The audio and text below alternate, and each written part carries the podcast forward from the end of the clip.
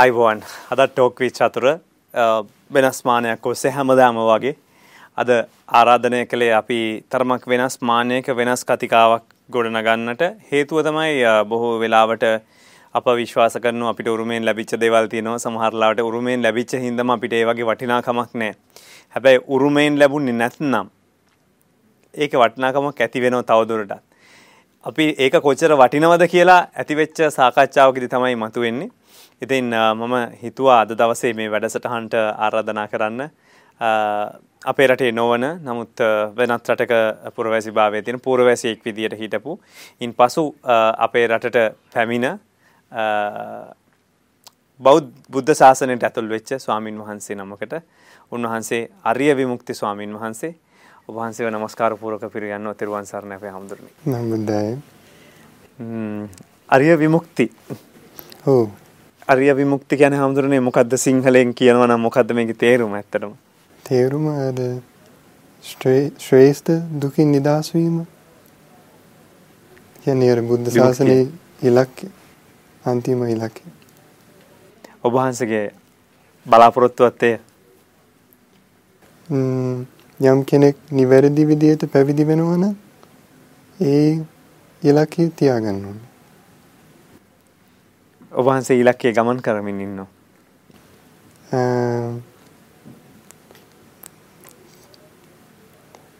මම බුදුරජාණන් වහන්සේගේ ධර්මයේ පුරුදු වෙන්න උත්සාහ කරනවා.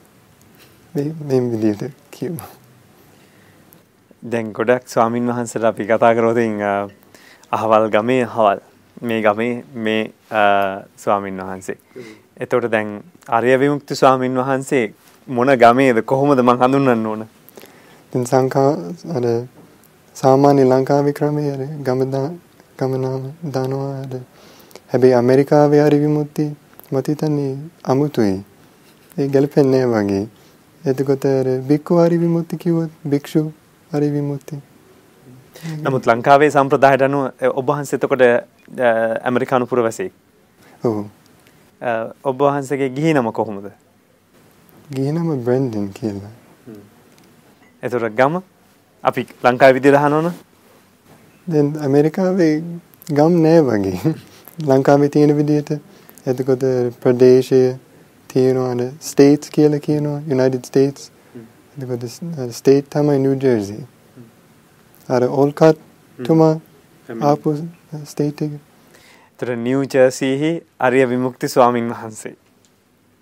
ලංකාව සම්ප්‍රදායික අනුව කියනවා නම් ඒක හරි. දැන් අපි මේ දැන් ඔබ වහන්සේගේ නම අපි එහෙම සඳහන් කරත් නම නෙමේ වැදගත් වෙන්නේ අපි කතා කරන දේවල්. නමුත් මේ බික්කු කියන යොදන සම්ප්‍රදාය අපි දකිනවා ගොඩක් වෙලාවට වෙනත් විදේශ රටවලදී යොදනවා. මේ ඔබ වහන්සේ එතකොට වෙනත් විදේශ රටවලත් වැඩලා තිබෙනවද නැත්නම් කෙලින්ම ඇමරිකාවේ ඉඳලා ලංකාවටද වැඩි කොහොමද මෙහෙට ආපු විදිය මොකද්ද? ආ මං ගිහි කාලේ ගිහිල්ලා තියෙනවා. අර ධර්මයේ හොයාගෙන කාලේ මං වෙන වෙන රටවලට ගියා. මං අර චීනෙට ගියා, ජපාන්ට ගියා, තායිලන්ත, මලේසියාට ගියා. ඒකට ගොඩක් අත්දැකීම් ලැබුණා ඉතින්. ඒ ධර්මයේ හොයාගෙන ගියේ. ඔව්. එතකොට ගිහි කාලේ කියන්නේ ඔබ වහන්සේ පාසල් අධ්‍යාපනය නිමා කරාද දැන් වයස කීයද අපිට මේ කතාවට ප්‍රවිෂ්ටයක් ලබා ගන්න උත්සාහය. ඔව්. මං උසස් අධ්‍යාපන කටයුතු කරා. කරලා ඉවර වුණාම අර ටික කාලෙකින් චීනෙට ගියා. ඊට පස්සේ චීනේ ඉඳලා ජපාන් ගියා. තායිලන්ඩ් ගියා. ඔබ වහන්සේ ඒතර උපතින් කතෝලික? ඔව්. උපත උපතකින් කතෝලික පවුල. දැන් අර 26යි වයස. අර තරුණ කාලේ අර මට ගැටලුවක් ආවා අර කතෝලික ආගම ගැන. ඒක ඒ කාලේ ඉස්කෝලේ අපි ඉගෙන ගත්තේ රොවාන්ඩන් ජෙනොසයිඩ් ගැන ඒක දන්නවද? අර ඇෆ්‍රිකා මහා ජනපදයේ රටක් තියෙන රොවාන්ඩ කියලා. දැන් අවුරුදු 20කට වැඩි කලින් අර මනුෂ්‍ය ඝාතනයක් සිදු වුණා. රුවන්ඩා. රොවාන්ඩ. ඒක ගැන අර ಜಾති ભેදේ තිබුණා. දැන් ඒක මං හිතනවා අර දැන් ඒක කොහොමද වෙන්නේ? ඒ වගේ අර විශාල හානියක්. මනුෂ්‍ය ජාතියට. එතකොට අර කතෝලික ෆාදර් කෙනෙක් ළඟට ගිහිල්ලා ඒක ගැන එව්වා. හැබැයි අර මට ලැබිච්ච උත්තර හරියන්නේ ඊට පස්සේ අර කතෝලික ආගම අර පැත්තක් තිබුණා. පැත්තක් දාලා අර ඊට පස්සේ ආගමක් නෑ වගේ කාලයක් තිස්සේ. එතකොට ආගමක් නැතුව ඉන්නවා කියන දැන් අපි ගොඩක් දෙනෙක් ඉන්නවා ඒගොල්ලන්ට දැන් අලුත්ම ට්‍රෙන්ඩ් එක වෙන්නේ ආගමක් නෑ ආගම ඕනේ නෑ කියන එක. එතකොට දැන් ඔබ වහන්සේත් ඇමරිකා එක්සත් ජනපදයේ උපත ලබලා තරුණයෙක් විදිහට අධ්‍යාපනය ලබලා එතකොට ආගමක් නෑ මේ නිරාගමික ප්‍රතිපත්තියක ඉන්න කෙනෙක් බවට පත් වෙනවා. එතකොට ආගමක් ඕන කියන එක හිතේ ඇති වෙන්නේ කොතනින්ද? දැන් ඉස්ලාම මත හිතන්නේ අපි අර තේරුම් ගන්න ඕන ආගමක් නැහැ කියලා කියන්නේ දෘෂ්ටියක් තියෙනවා හැබැයි. ඒ කියන්නේ දැන් සමහර මිනිස්සු ගොඩාක් අර බටහිර රටවල් ආගම නැති මිනිස්සු ඉන්නවා. ඒත් ආගමක් නැහැ කියලා කියන්නේ දැන් ගොඩාක් අය අර දෙවියන් වහන්සේ විශ්වාස කරන්නේ. හැබැයි ඒක දෘෂ්ටියක්. කියන්නේ ඒක Tamanගේ අර දැක්ම මේ ජීවිතය ගැන එතකොට යම් දෘෂ්ටියක් අනුව හැසිරෙනවා. දැන් අර තරුණ කාලේ ඉඳලා දැන් අර ඇමරිකාවේ සංස්කෘතිය තුල මං ඉන්නවා. මං දැක්කා මේ අර ඇමරිකාවේ පවතින රටාව මේ ජීවිතේ කොහොමද සාර්ථක කරගන්න රටාව ඒක හරියන්නේ නැහැ කියලා. ඒක සාර්ථක නෑ ඇත්තම. මොකද දැන් අර පොඩි කාලේ ඉඳලා ස්කෝලේ කාලේ ඉඳලා නිතර නිතර හිතනවා අනාගතය ගැන. ඒ කියන්නේ හොඳ තීගෙන ගත්තාම සතුට වෙන්න පුළුවන්. දෙන්නේ මේ. හොඳ තීගෙන ගත්තාම අනාගතේ නෙමෙයි. අනාගතේ. එතකොට හොඳට ඉගෙන ගත්තාට පස්සේ අපි කියමු හයි ස්කූල් මහාවිද්‍යාලය ඉවර වුණාම ඊට පස්සේ අර හොඳ කොලෙජ් යුනිවර්සිටි එකද යන්න ඕන. හොඳ යුනිවර්සිටි එකට හරි යන්න කලින් සතුටු වෙන්න බෑ. ගියාට පස්සේ වෙන බලාපොරොත්තුවක් ඉස්මතු වෙනවා. හොඳ රස්සාවක් කරන්න ඕන කියලා හිතෙනවා. ඔව් හොඳ හොඳ විදියට විවාහ වෙන්න ඕන. ගොඩක් සල්ලි එකතු කරන්න ඕන. ගොඩක් සල්ලි එකතු කරගත්තාට පස්සේ ඊට වඩා අර ලබා ගන්න ඕන. දෙවෙනි ගෙදරයක් අර එකතු කරන්න ඕන. එතකොට ඉස්සර නිතර නිතර අනාගතය ගැන හිතනවා තෘප්තිමත් වෙන්නේ. ඒක මම දැක්කා අර කෙලවරක් නෑ ඒ පාර. එතම නේද? දැන් අර ඇමරිකාවේ අපිට කීමනක් තියෙනවා. ලංකාවේ කොහොමද ගල්පගන්නේ මම දන්නේ නෑ. rat race කියලා කියන්නේ ඒ ලෝක ආර්ථයක් තියෙනවා. ඒ ඇමරිකාවේ සංස්කෘතිය. ඒ කියන්නේ අපි යම් දිශාවක දුවනවා. දුවන දුවනවා දුවනවා හැබැයි අර ඒ කෙලවර පැමිණෙන්නේ නැහැ අවසානයක් නැහැ අවසානයක් නැහැ එතකොට අර මට හිතුණා ඒ ක්‍රමය වැරදි ඒ ක්‍රමය අර හිස් ක්‍රමයක්. එතකොට දැන් ධර්මයේ යන්තම් අර අහන්න ලැබුණාට පස්සේ දැන් බුදුරජාණන් වහන්සේ දේශනා කරනවා අර දුක. ඊට පස්සේ දුක සමුදය. එතකොට දුක සමුදය තමයි ආසාව. තෘෂ්ණාව. එතකොට තමන් කැමති තමන් ආසා කරන දේවල් පිටිපස්සේ දුවනවා නම් ලබන්නේ දුක තමයි. බුදුරජාණන් වහන්සේ දේශනා කරන ධර්මය අනුව. එතකොට දුක පිටිපස්සේ දුවනවා නම් කවදාවත් අර යම් ස්ථීර යන් ස්ථීර සැපයක් ලබන්න බෑ මට හිතන්නේ. එතකොට දුක පිටුපස්සේ දුකයි කියලා මේක තේරුම් ගන්න එකනේ ප්‍රශ්නේ තියෙන්නේ හාමුදුරනේ. එතකොට දැන් ඒක දුකක් කියලා වහන්සේට මූලික අදහස ආවේ වයස කීයේ විතරද? ඒක එන්න දුක කියලා දැනෙන්න හේතුව වෙන්නේ මොකක්ද? අර එක අවස්ථාවක් මට ලොකු සංවේගයක් ඇති වුණා. අර විශ්වවිද්‍යාලේ කටයුතු ඉවර වුණාම දැන් ඒ කාලේ 100 වයසයි. දැන් 80ක් විතර. එතකොට අන්තිම කාලේ ආවා 100 අර අර මරණ මංචකේ ඉන්නවා ගෙවල් අර අපේ ගෙදර ඇතුලේ අන්තිමේදී අර මැරුණා. එතකොට මං කල්පනා කරනවා විශේෂයෙන් ඒ අවස්ථාව මේ ජීවිතයේ අර අර්ථය මොකද්ද? තේරුම මොකද්ද?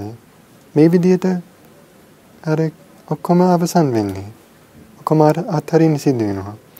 දැන් මට හිතන්නේ වයස 15 විතර මට තේරුණා යම්කිසි අඩුවක් තියෙනවා මේ ජීවිතේ. දැන් ඒ කාලේ හොඳද සැප සම්පත් තිබුණා අඩුවක් නැහැ. දැන් සමහර මිනිස්සු ලංකාවේ අර කන්න බොන්න දේවල් නැහැ. ගෙදර හරියට වහල නැහැ. ඒ මගේ ස්වභාවය තිබුණේ නැහැ මට. දැන් අර කැම බීම ගැන මට ප්‍රශ්නයක් මට හිතන්නේ කවදාවත් දෙනුනේ නැහැ. හැබැයි අර යම්කිසි මානසික පාඩුවක් තිබුණා. දැන් ඇමරිකාවේ ගොඩක් දියුණු වෙලා භෞතික වශයෙන් එතකොට ගොඩක් මිනිස්සු සල්ලි තියෙනවා සැප සම්පත් විඳිනවා. හැබැයි මානසික පැත්ත අඩුවක් තියෙනවා.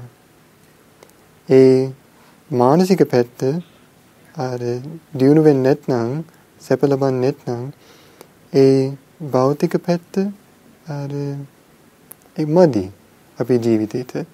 දැන් තාත්තට යාළුවක් ඉන්නවා. එයා ගොඩක් සල්ලි තියෙන මිනිසෙක්. මිලියනර් කියලා අපි කියනවා.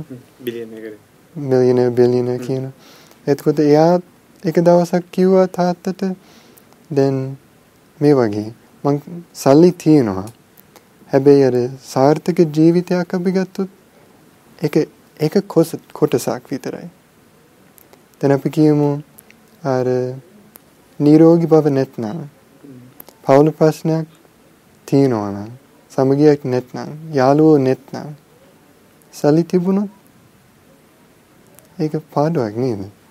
නැත්නම් අර depression depression තිබුණොත් ගොඩාක් මිනිසුන්ට depression තියෙනවා ඇමරිකාවේ. ඒ මානසික පැත්ත අඩුවක් තියෙනවා. මම ඒක ටිකක් යන්තම් තේරුණා ලාභත තේරුණා මේ මේ ස්වභාවය තියෙනවා. ඊට පස්සේ අර විශේෂයෙන් විශ්වවිද්‍යාලේ කාලේ වෙන වෙන ආගම් ටිකක් ඉගෙන ගන්න බැලුවා. අර අන්තිමේදී අර සූත්‍ර පිටක ධර්මයේ හම්බුණා යම් කිසි පිනකින්. ඒක කියවගෙන තව තවත් තේරුණා මේ ජීවිතයේ ස්වභාවය මොකද්ද? මේ ඒ කියවන්නේ සාමාන්‍යයෙන් මොන වගේ සූත්‍ර පිටකේ පරිවර්තනයක්ද? නැත්නම් ඒක මොකක් මහායාන පරිවර්තනයක්ද? තේරවාද පරිවර්තනයක්ද? තේරවාද පරිවර්තනයක්. ඒ සූත්‍ර පිටක ප්‍රධාන පොත් වහන්සේලා කියන්නේ දීඝනිකාය මජ්ක්‍ධිම නිකාය අංගුත්තර නිකාය සංයුත්ත නිකාය ආදී. එතකොට දැන් ගැඹුරු විදිහට අපි බලනවා නම් ඒ දුක තියෙන්නේ අර අනිත්‍ය නිසා. දැන් මේ කාම සැප තියෙනවා. ඊට පස්සේ මානසික සැපත් තියෙනවා. ආමිෂ සැප, නිර්ආමිෂ සැප. තනේ සැප දෙකම අතර නිර්ආමිෂ සැප, මානසික සැප ශ්‍රේෂ්ඨයි. එතකොට දැන් කාම සැපේ අර පුංචි වෙලාව අපි භුක්ති විඳින්නේ. හැබැයි මානසික සැප තියෙනවනේ ඒක කල්පවතිනවා. ඊට පස්සේ දැන් අර මානසික සැප ශ්‍රේෂ්ඨයි නිසා කාම සැපේ නැත්නම් හැබැයි මානසික සැප තිබුණොත් ඒක තමන්ට වාසියක්. ඔබ වහන්සේ එතකොට මේ සූත්‍ර පිටකේ කියවනවනේ. කිව්වෙන් පස්සේ එතකොට ඒ සම්බන්ධ යම් මූලික දැනුමක් ලබනවා. එතකොට කොහොමද තීරණය කරන්නේ මම කොයි මොන රටට යනවද? එතකොට දැන් මට මං විදියට හිතනවා නම් මම මුකුත් දන්නේ නැති කෙනෙක් ඇවිල්ලා මට කියනවා මෙන්න මෙහෙම ආගමක් තියෙනවා මේකේ හොඳයි ඉගැන්වීම කියවලා බලනවා මොකක් හරි දෙයක් තියෙනවා කියලා තේරෙනවා. ඒතර මම දැන් හිතනවා දැන් මේක කොහේ තියෙනව ඇතිද කියලා. ඒතර වහන්සේ එහෙම මුලින්ම හොයාගන්න උත්සාහ කරේ කොහොමද? ඒක හොඳ ප්‍රශ්නයක්. මං අර දැන් මුල් කාලේ තරුණ කාලේ අවුරුදු 15ක් විතර මට මතක විදිහට අර සෙන් බුද්දිසම් ගැන කියවන්න ලැබුණා. දැන් සෙන් බුදුදහම අර ඇමරිකාවේ ප්‍රසිද්ධයි. මම අර විශ්වවිද්‍යාලෙත් අර සෙන් බුදුදහම් ගැන යම්කිසි ඉන්ට්‍රස්ට් එකක් තිබුණා නිසා අර ජපාන් භාෂාව ඉගෙන ගත්තා. එතකොට අර චීනී ජපාන් අර ඒ වගේ ඊස්ට් ඒෂියන් රටවල් ගැන ඉන්ට්‍රස්ට් එකක් තිබුණා. මොකද අර සෙන් බුද්දිසම් ඉස්ලාම ආවේ අර ජපාන් එකද කොරියා ඉඳලා. අර චීනී ඉඳලා කොරියට ආවා. එතකොට චීනී තමයි අර මූලික රට සෙන් බුද්දිසම් එකට. එතකොට මම සෙන් බුද්දිසම් ටිකක් ඉගෙන ගත්තා.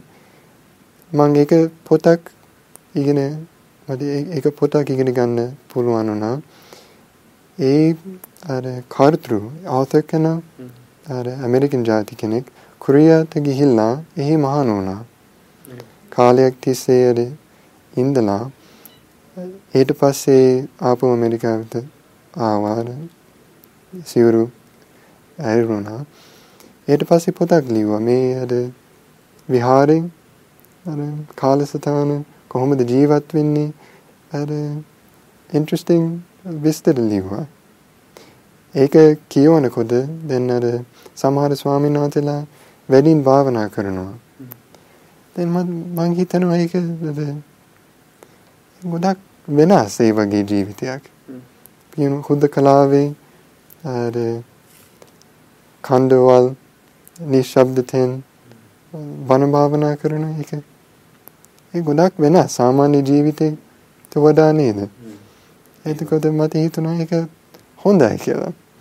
දැන් යම් කිසි අර සසරේ පුරුද්දක් වෙන්නේ නැති නැත්නම් ඒක පාරේ එහෙම හිතන්නේ නැහැ. හිතන්නේ නේද? එතකොට මේ එතකොට චීනෙට වඩිනෝ ඊට පස්සේ චීනෙට ගියා අර විශ්වවිද්‍යාලයේ මට යාළුවෙක් හිටියා චීනී ජාති. එතකොට එයා මට උදව් කරා ඒ වීසා එකක් ගන්න. ඒකට චීනේ ගියා ශාංහායි හිටියේ. ඊට පස්සේ අර ජපාන් භාෂා යම් කිසි දැනුමක් තිබුණා නිසා ජපාන්ට යන්න කැමති වුණා. හැබැයි ජපාන් ඇතුලේ අර දැන් පැවිද්ද ගොඩක් වෙනස් ලංකාවට වඩා දැන් ජපාන් හාමුදුරුව දැන් සාමාන්‍ය හාමුදුරුව අපි කියන්නේ ඉංග්‍රීසින් මංක් කියලා. හැබැයි ජපාන් ප්‍රීස්ට් වගේ කතෝලික ආගම එතකොට හැබැයි කතෝලික ආගම බ්‍රහ්මචාරී තියෙනවා නේද? අර හැබැයි ජපාන් අර ඒ හාමුදුරුව අර විවාහ වෙනවා. ජීවිතත් ගත කරනවා. හැබැයි සිවුරු තියෙනවා. ඒකද 아무තු අර හයිබ්‍රිඩ් වගේ චරිතයක් තියෙනවා. ඒක අර මං කාලේ මොනවද හිතුවේ මතක නෑ. හැබැයි ඒ කාලේ මා ළඟ අර ත්‍රිපිටක පොත් වහන්සේ නමක් තිබුණා. ඒක ජපානයේ කියවගෙන ඊට පස්සේ අර කල්යාණ මිත්‍ර ස්වාමීන් වහන්සේ නමකගේ සූත්‍ර පාන්තියක් අර මට ඉගෙන ගන්න පුළුවන් වුණා. එතකොට මට තේරුණා ජපාන් අර මේ මට ගැලපෙන්නේ හරියන්නේ. මේ මාර්ගයේ මම හොයන මාර්ගේ නෙමෙයි කියලා හිතුණා. මම හොයගෙන මාර්ගය නෙමෙයි. දැන් අර තේරවාද සූත්‍ර පිටක හම්බුණාට පස්සේ අර මහායාන ගැන යම්කිසි ඉන්ට්‍රස්ට් තිබුණාට ඒක අත්හැරුණා. මට තේරුණා මේක තමයි අර ඇත්ත ධර්මය කියලා. true true ධර්මය. ඊට පස්සේ තායිලන්ත ගියා. ඊට පස්සේ තායිලන්තෙන් යවුවා. ආගම කොහොමද මට ගමන යන්න පුළුවන්ද කියලා. ඔව් තායිලන්ත දැන් තේරවාද බෞද්ධ රටක්. ඉස්ලාම බර්මාට යන්න හිතුණා මේ වීසා හම්බුනේ නෑ. ඒකත් තායිලන්ත ගියා. තායිලන්ත ඉඳලා එක ආරණ්‍යයක් හිටියා. ඊට පස්සේ අර භාවනා මධ්‍යස්ථානෙට ගියා. දැන් ඒ ඒ සිද්ධිය තුල අපිට තේරුම් ගන්න පුළුවන් දැන් අර මට මතක විදිහට දවස් 10ක් විතර ඒ භාවනා කෝස් එකක් තිබුණා. ගොඩාක් අර බටහිර රටවල් මිනිස්සු ඒකද සම්බන්ධ වෙනවා ඉංග්‍රීසි මාධ්‍ය. එතකොට අපි නිදාගත්තේ අර සෙමෙන්ටි ස්ලෑබ් එකක් පැදුරක් දාලා කොට්ට තමයි ලී. ලී කොට්ටක් ඒ පාවිච්චි කරා. හැබැයි අර ඒ භාවනා කෝස් එක ඉවර වුණාම මට මතකනේ කවුරුත් අර දොස් කිව්වේ නෑ ලිවිං කන්ඩිෂන්ස් ගැන. අනේ අර සෙමෙන්ටි අපි නිදාගත්තේ අනේ අර මේ ලී කොට්ට හරි අපහසුයි. කවුරු කිව්වේ නෑ මට මතක විදිහට. දැන් මොකද අර දැන් බාහිර බාහිර නෙමෙයි බටහිර රටවල් ඉඳලා තරුණ අය ආවා ඒ කෝර්ස් එකට. එතකොට ඒගොල්ලෝ තත් මටත් යම්කිසි අර වැටහීමක් තියෙනවා මේ බටහිර ක්‍රමය පාඩුව ගැන. මේක අර කාමේ මේ අර භෞතික සැපට වඩා යමක් තියෙන්න ඕන කියලා අර මානසික පැත්ත අපි බලන්න ආවා. එතකොට දැන් ඒ කෝස් එක ඉවර වෙලා එතකොට ඊට පස්සේ ආපහු අතරමැද කාලයක් තිබුණද ලංකාවට වඩින්න ඉස්සෙල්ලා එහෙම නැත්නම් කෙලින්ම ආපහු ඇමරිකාවට වැඩිය ගියාද? ඒකට ගිහි කාලේනේ වැඩියද කියලා අහන ගත්තා. ගිහි කාලේ තාම මට ලංකාවට යන්න අදහසක් තිබුණා. හැබැයි තාම අර ඒ කාලේ අර විශ්වවිද්‍යාලේ ලෝන් ණය තිබුණා. එතකොට දැන් 아무තු විදියට වෙන වෙන රටවල ගිහිල්ලා අර භාවනා කෝස් එකක් කරලා අර ධර්මයේ හොයාගෙන ඊට පස්සේ ආපහු අර රැකියාවට වැටුණා. ඒක හරි 아무තු ෂොක් එකක් වගේ. ඒ වගේ දැන් පරිසරය හත්පස්සේ වෙනස්.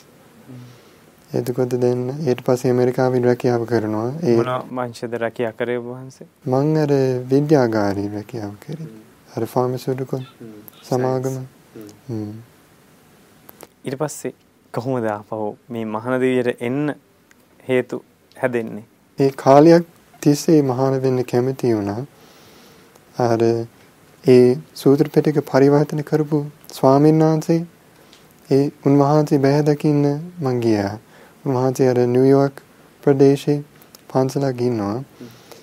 එතකොට උන්වහන්සේ ගෙන්නේවා අර කොහෙද පැවිදි වෙන්න හොඳයි කියලා. ඊට පස්සේ අර දැන් නිකන් කිනා වෙන්න ඕනේ. මොකද දැන් අර මේ පෘථිවිය අනිත් පැත්ත ඇමරිකාවේ ඉඳලා චීනයට ගියා. ජපාන්, තායිලන්ත ධර්මය හොයාගෙන. හැබැයි අර දැන් නිව් ජර්සි අර අසුපුවක් තිබුණා. ඒ පිරිසුදු ධර්මයේ අර ඉස්මතු කරන ස්ථානයක් තිබුණා. එතකොට උන්වහන්සේ අර මට මහමේනා ගැන කියලා දුන්නා. ඊට පස්සේ ඒ හිත ආවා. එතකොට නිව්ජර්සි වල පන්සලට යන්නේ මුලින්ම. භාවනා සපෝට යන්නේ. ඔව් ඒට සම්බන්ධ වුණා. කවුද ඒ ස්වාමීන් වහන්සේ ඔබ වහන්සේව සම්බන්ධ කළේ? අර බික්කු බෝධි කියලා. බික්කු බෝධි. දැන් අර ඉංග්‍රීසි භාෂාව හොඳම ධර්ම පරිවර්තනය උන්වහන්සේගේ තමයි. YouTube එකේ තියෙනවා ගොඩක් වීඩියෝස් ඒ සම්බන්ධ. වීඩියෝස් තියෙනවා නේද? උන්වහන්සේ හරි අහිංසකයි. දැන් ගොඩාක් වයසයි. උන්වහන්සේ තමයි වහන්සේව මෙහෙට යොමු කළේ. හ්ම්. එතකොට දැන් සාමාන්‍යයෙන් එතකොට ඕනම විදේශිකයෙකුට ඇවිල්ලා එතකොට ශ්‍රී ලාංකික විහාරස්ථානයක එහෙම පැවිදි දිවියට ඇතුල් වෙන්න පුළුවන්ද මොනවද ඉන් පස්සේ මේකෙදි අනුගමනය කරන්න ඕන දේවල් එතකොට ඒ සම්බන්ධ පැහැදීමක් ඇති වුණු පමණින්ම ඕන කෙනෙකුට එන්න පුළුවන්කමක් තියෙනවද? ආ කෙනි ලංකාවේද? නෑ ඔබ වහන්සේ පිට ඉඳලා එන හින්දා මම මේ අහන්නේ. මොකද ලංකාවේ දරුවෙක් නම් කෙලින්ම ගිහිල්ලා අම්මගේ තාත්තගේ අවසරය අරගෙන ඇවිල්ලා මහාන වෙන්න පුළුවන්. ඒ සඳහා සුදුසු ස්ථානයක් තොර නමුත් ඔබ වහන්සේට මම අහන්නේ මම අපි දන්නේ නැනේ ශ්‍රී ලාංකික විදිහ දැන් එන විදිය කොහොමද කියලා. විදේශිකෙක් කෙනවා නම් සාසනයට. ආ. සාසනයට? දැන් මට ගොඩාක් උපකාර වුණේ අර සූත්‍ර දේශනා කියවන එක මොකද ඒ ඒක තුල තමයි පැහැදීම ඇති උනේ. දැන් අර ඇමරිකාවේ චෛත්‍යෝ නෑ. දැන් බොරම පන්සලකදී ගියා එහි ස්තූපයක් තිබුණා. හැබැයි දැන් අර හැමතැනම බෝධීන් වහන්සේ බුදු පිළිම අර චෛත්‍ය එහෙම නෑ. අර ඒ බුදු ආගම අර බුද්ධ ආගම අඩුයි ඇමරිකාවේ ඒ සංස්කෘතිය නෑ. එතකොට ධර්මයේ කියවීමෙන් තමයි අර පැහැදීම ඇති වුණා ඊට පස්සේ ලංකාවට එන්න හිතුණා. ඊට පස්සේ ලංකාවේ දැන් කොච්චර කල් වහන්සේ වැඩ ඉන්නවද මේ? දැන් අර අවුරුදු 3 කමාරකට කිට්ටුයි. එතකොට සිංහල භාෂාව ඉගෙන ගත්තේ කොහොමද? අර අසපුව පරිසරේ ඉගෙන ගත්තේ. දැන් අර ටිකක් ලස්සනයි ඇත්තම මොකද දැන් අර ස්වාමීන් වහන්සේලා අතර කතා කරනවා නිසා දැන් මං සිංහලෙන් කිසිම අශබ්ද වචනයක් අසභ්‍ය වචනයක් දන්නේ නැහැ. නරක වචන මොකුත් දන්නේ දන්නේ නැහැ. හැබැයි ඉතින් සාමාන්‍යයෙන් භාෂාවක් ඉගෙන ගන්නකොට මුලින්ම ඉගෙන ගන්නේ නරක වචන ටික කියලා කියනවනේ. ඒක මිනිස්සු කැමති නේද? ඒකත් අර ගිරව් දෙන්නගේ කතාව වගේ කන්දෙන් එහාට මෙහාට වැඩිච්ච හොඳ පැත්තට වහන්සේ වැඩිලා තියෙනවා කියන්නේ. දැන් මේ භාෂාව දැනගත්තට එතකොට භාෂාවත් එක්කම දැන් භාෂාවේ සාමාන්‍ය විදිහට නෙමෙයි ධර්මය ලියවිලා තිබෙන්නේ ගොඩක් වෙලාවට. අපි දකින්නට වඩා සරල කතා කරන භාෂාවට ටිකක් මේකට එකතු වෙනවා pāli සංස්කෘත. ඒතර ඔබ වහන්සේට pāli සංස්කෘතත් කියවන්න පුළුවන්ද ලියන්න පුළුවන්ද කතා කරන්න පුළුවන්ද? පාලි ටිකක් පුළුවන් සංස්කෘතෙත් එච්චර නෑ වචන කීපයක් විතරයි.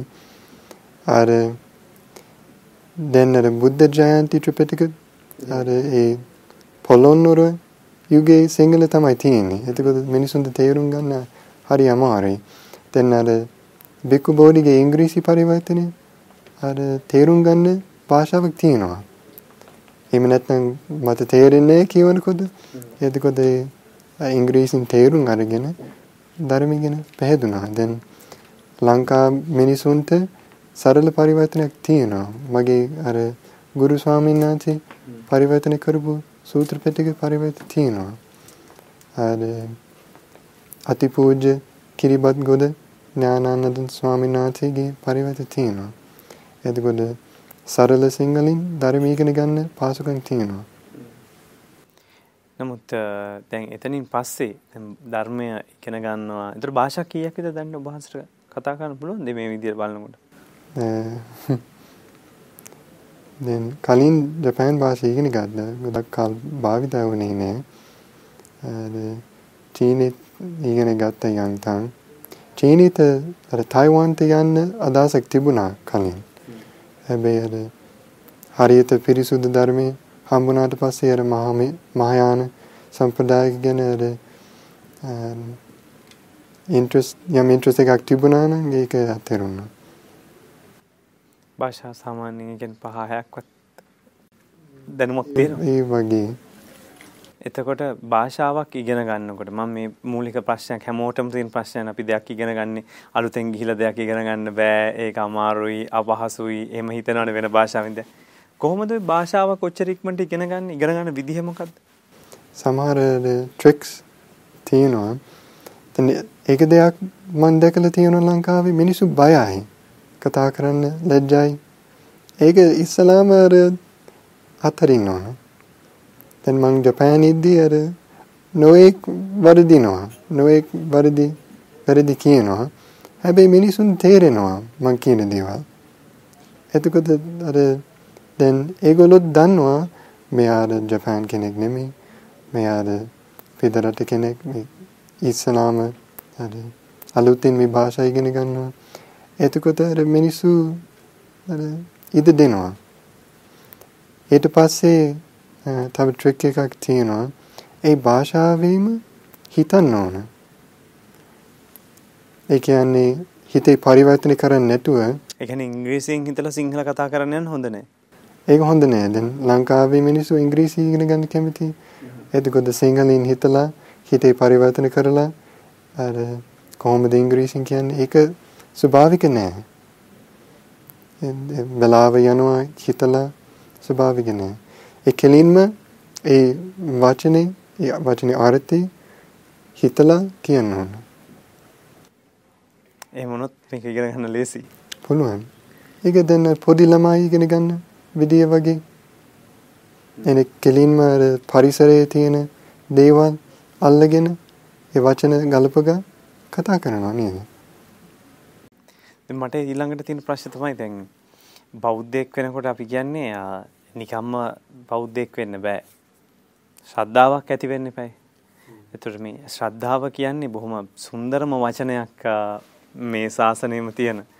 කොහොමද එතුළු මේ ඔබ ශ්‍රද්ධාව ගොඩනගන්න එපා නිකන් නිකම් බෞද්ධයොත් ඇති නමට නිකන් ශ්‍රද්ධාව ගොඩනගන්නේ කොහොමද වැඩෙන්නේ කොහොමද කියලා පැහැදිලි කිරීමක් කරන්න ඒක මං හිතන්නේ හැමෝටම වටිනවා. ඔව් දැන් අර බුද්ධ දේශනාවේ තමයි ක්‍රමයේ තියෙනවා බුදුරජාණන් වහන්සේ ක්‍රමයේ දේශනා කරලා තියෙනවා. ශ්‍රද්ධාවට හේතුව මොකද්ද? එතකොට ශ්‍රද්ධාවට හේතුව තමයි සද්ධර්ම ශ්‍රවණය. ඒ අර කියන්නේ පිරිසුදු ධර්මයේ අහන්න ඕනේ. චතුරාරි සත්‍ය ගැන පිරිසුදු ධර්මය අහන්න ඕනේ. ඒකටත් හේතුවක් තියෙනවා. ඒකද හේතුව තමයි සත්පුරිස ඇසුර. එතකොට සත්පුරිස අර ඇසුර තුලින් පිරිසුදු ධර්මය අහන්න ලැබුණා.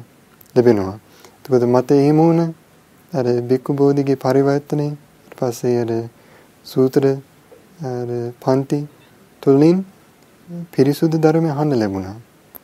එතකොට බුදුරජාණන් වහන්සේ දේශනා කරන විදියම ශ්‍රද්ධාව ඇති වුණා. බුද්ධ වචන සත්‍යයි. දැන් පිරිසුදු බුදුදහම තියෙන රටේ ලංකාවේ හැමදාම බණ ඇහෙන රටේ හැමදාම බණ කියන රටේ රූපවාහිනිය ගුවන්විදුලිය හැම එකෙන් බණ කියන රටේ ස්වාමින් වහන්සේලා විශාල පිරිසක් තාමත් වැඩ වාසය කරන රටේ බොහෝ දෙනෙකුට ශ්‍රද්ධාව වැඩෙන්නේ නැහැ. කියන්නේ ආගම විදිහට ඒක අදහන එක ඇත්ත නම් ශ්‍රද්ධාව වැඩෙනවා කියන එක සිද්ධ වෙනවා අඩුයි කියලා මම විශ්වාස කරනවා. ඒක එහෙමද?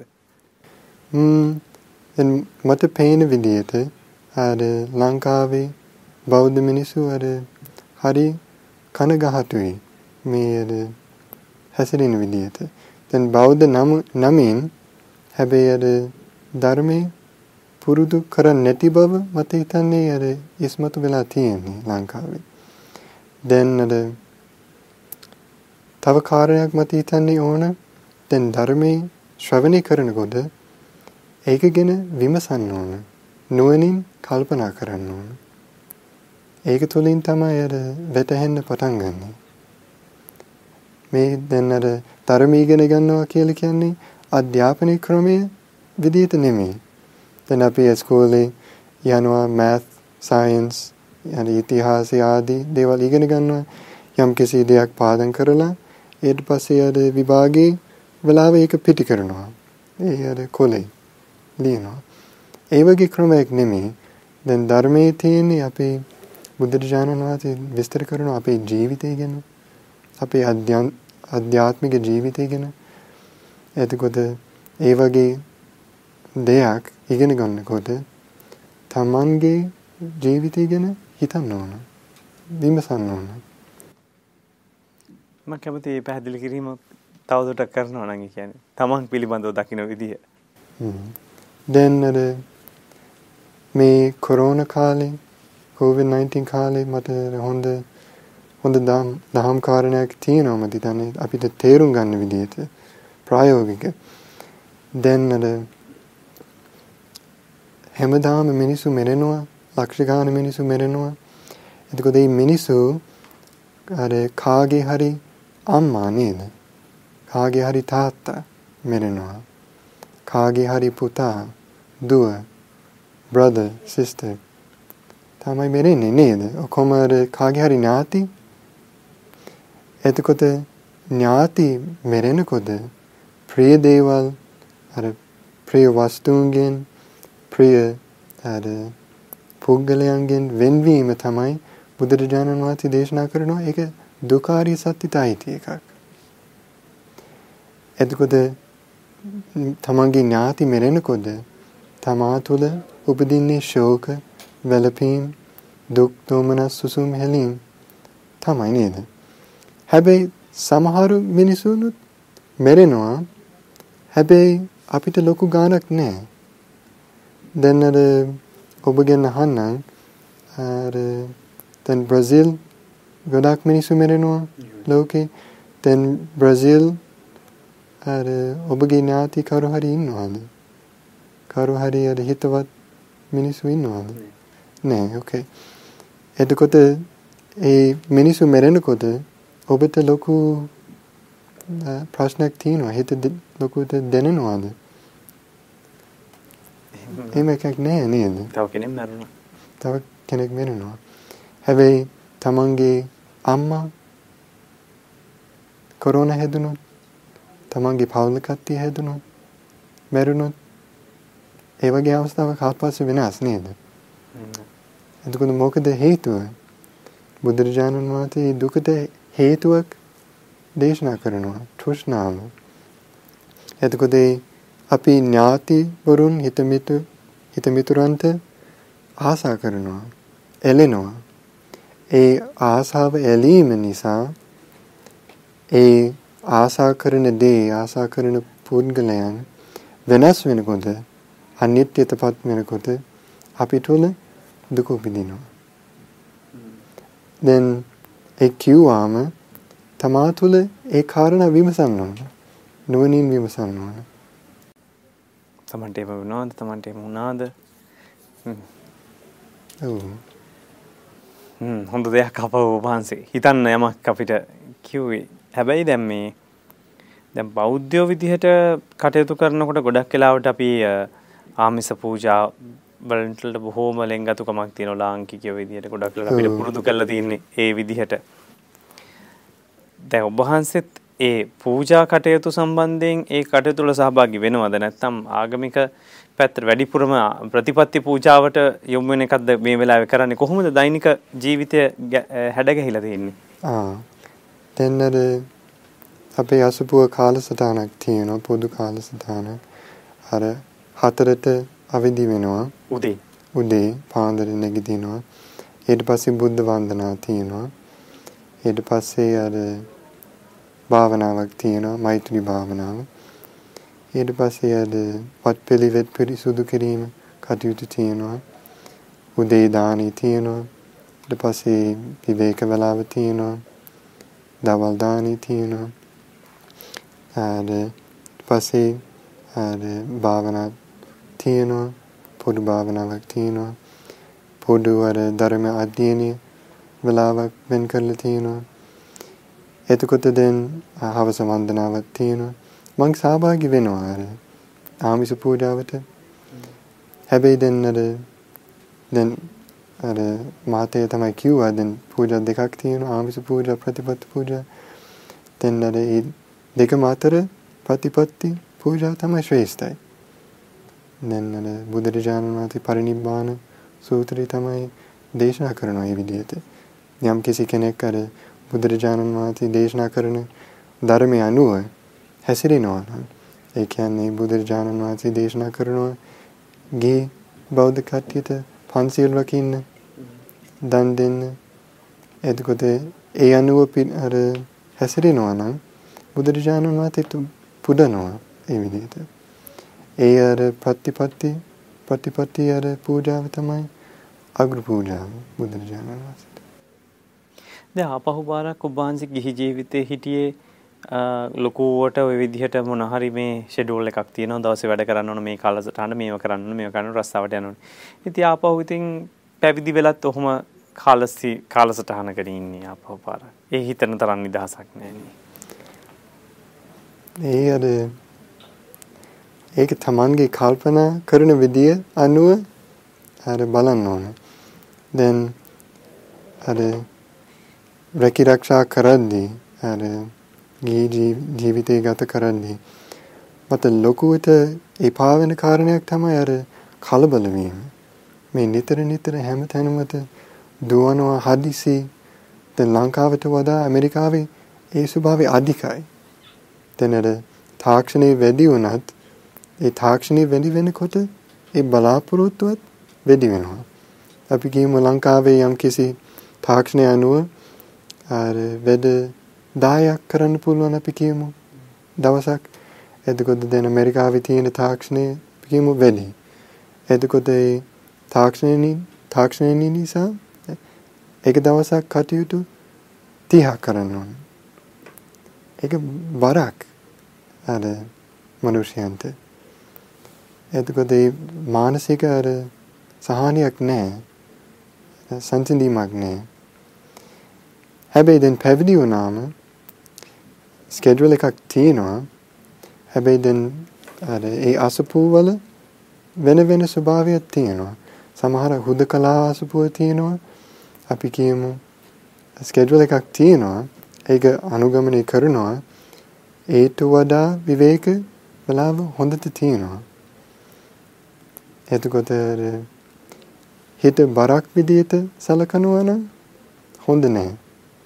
දැන් අර ඒ කාලසටහන අනුව හැසිරෙනවා නම් ඔක්කොම කරන්නේ කුසල් ඔක්කොම අර ඔක්කොම ස්කෙඩියුල් තියෙන අර මොකද කියන්නේ කරුණු අර ඉවෙන්ට්ස් තමයි කටයුතු ඔක්කොම උදව් වෙන්නේ අර මාර්ගය වඩන්න. ඒක ස්වාමීන් වහන්සේ දැන් ගොඩ දෙනෙක් අහන්නේ දැන් මේක බෙදීම් ඇති කරගෙන තියෙනවානේ. එකක් තමයි දැන් වහන්සේට ඇමරිකාවෙදිම කියවන්න හම්බ වෙනවා ත්‍රිපිටක පරිවර්තනය. එතකොට දැන් තව කෙනෙක් අභිධර්මයේ වඩන්න උත්සාහ කරනවා. තව කෙනෙක් සූත්‍ර පිටකය අධ්‍යයන කටයුතු කරනවා. තව කෙනෙක් ඔය එකම භාවනාව ප්‍රගුණ කරනවා. මේක ඇත්තටම ඔබ වහන්සේ හිතන විදිහට දැන් ප්‍රායෝගිකව මේක අත්දකින්න කෙනෙක් විදිහට මේ විමුක්තිය ළඟා කරගන්න පුළුවන් මාර්ගය මොකක්ද ඇත්තටම? ආර්ය අෂ්ටාංගික මාර්ගය. මේ මාර්ග තුනම නෙමෙයිද? දැන් ඒ මාර්ග තුනම බුදුරජාණන් වහන්සේ දේශනා කරේ නෑ. නේද? බුදුරජාණන් වහන්සේ දේශනා කරා චතුරාර්ය සත්‍ය. දුක්ඛාරිය සත්‍ය. දුකට හේතුවක් තියෙනවා. ඒ හේතුව බාහිර එකක් නෙමෙයි. දැන් අපිට හිතනවා අසවල් කෙනා නිසා මට මේ ප්‍රශ්නේ තියෙන්නේ. අසවල් සිද්ධිය නිසා මේ දේශපාලනය නිසා මට මේ දුක විඳින්නේ. එහෙම එකක් නැහැ. ඒ ඇත්ත ස්වභාවය තමයි දුකට හේතු වෙන්නේ ආධ්‍යාත්මික කාරණාවක්. ඒක ගැඹුරු එකක්. ඒක හරි විශ්මිත එකක්. බුදුරජාණන් වහන්සේගේ ධර්මයේ තුල. ඒක ගැන හිත පහදවා ගන්න ඕන. ඒ ආධ්‍යාත්මික හේතුව දුරු කරාට පස්සේ ඒ දුක නෑ. හේතුඵල ධම ඊට පස්සේ ඒ හේතුව නැති කිරීම පිණිස මාර්ගයක් දේශනා කරා බුදුරජාණන් වහන්සේ. ආර්ය අෂ්ටාංගික මාර්ගය. දැන් ආර්ය අෂ්ටාංගික මාර්ගයේ ගමන් කිරීම පිණිස ධර්මය අනිවාර්යයෙන් ඉගෙන ගන්න ඕනේ. භාවනාවත් කරන්න ඕනේ. ඒකෙම ඔය වෙන් වෙන් වශයෙන් බලන්න හොඳ නෑ. ගැඹුරින් ඒ තියෙන දේ අපේ පිරිසට පැහැදිලි වෙන සරලව කියන්න බැයිද? දේශනා කරන්න බැයිද? ඒ කියන්නේ දැන් අපි හැමදාම බණහනවා ගොඩක් වෙලාවට සූත්‍ර විමසනවා ධර්ම දේශනා පවත්වනවා. දැන් අපිට කියන්නේ මෙහෙම මේක හොයන කෙනා හොයන චතුරාර්ය සත්‍ය ආර්ය අෂ්ටාංග මාර්ගය ත්‍රිලක්ෂණය මෙතන වශයෙන් නම් වශයෙන් දන්නවා. දැන් හැබැයි අනිත්‍ය දුක්ඛ අනාත්ම කියලා කිව්වට දුක්ඛ සමුදය ආර්ය සත්‍ය කියලා කිව්වට ඕකේ සිංහල තේරුම තිබුණට ප්‍රායෝගිකව ආර්ය අෂ්ටාංග මාර්ගය ප්‍රායෝගිකව චතුරාර්ය සත්‍ය දැනගෙන ජීවත් වෙන්න ඕන කියන තේරුණාට අපේ ලාංකිකයන්ට මේක කියලා කියලාම දැන් පුරුදු වෙලානේ තියෙන්නේ. ඔබ වහන්සේට මේක වෙන විදිහකින් කියන්න බැයිද? තේරෙන විදිහකට. දැන් මං මං කලින් කිව්වා දැන් අධ්‍යාපන ක්‍රමය අනුව කරනවා නම් ඒක බෑමද හිතන්නේ. ඒක තමයි දැන් අපිට හම්බුනේ. ඔව් නේද? දැන් අපි A level low level ඉවරනකම මේක ඉගෙන ගත්තානේ. ඔව් මේ ධර්මයේ ක්‍රමය ගොඩාක් වෙනස්. ඒ අර කොහොමද අල්ලගන්නේ? අර කාලයක් යන්න පුළුවන්. ඒ අර දැන් ගොඩාක් කියවලා නිතර නිතර ධර්ම කියවලා මෙහිමත් ඕන අර අර සප්පුරිස ඇසුර, කල්යාණ මිත්‍ර ඇසුර, කල්යාණ මිත්‍ර ගෙන් තමයි ධර්මය අහන්න ලැබෙනවා. පැහැදිලි කරනවා. දැන් අපිට හිතන්න පුළුවන් අර අවුරුදු අර 2000 ගානට කලින් බුද්ධ ධර්ම ලංකාවට එනකොට මිහිඳු මහරහතන් වහන්සේ ඉන්දියාවෙන් ඉඳලා අර බුදුරජාණන් වහන්සේගේ පණිවිඩය තමයි අරගෙන වෙඩිය. එතකොට ඒ උතුම් කල්යාණ මිත්‍ර ස්වාමීන් වහන්සේගෙන් තමයි මිනිසුන්ට ධර්මය අහන්න ලැබුණා.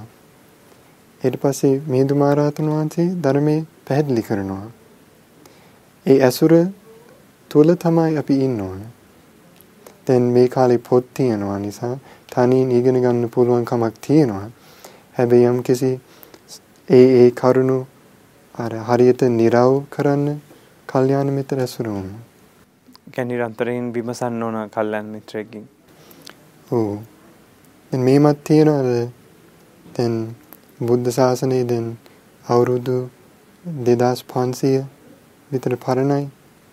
එතකොට ගොඩාක් දේවල් වෙනස් වුණා.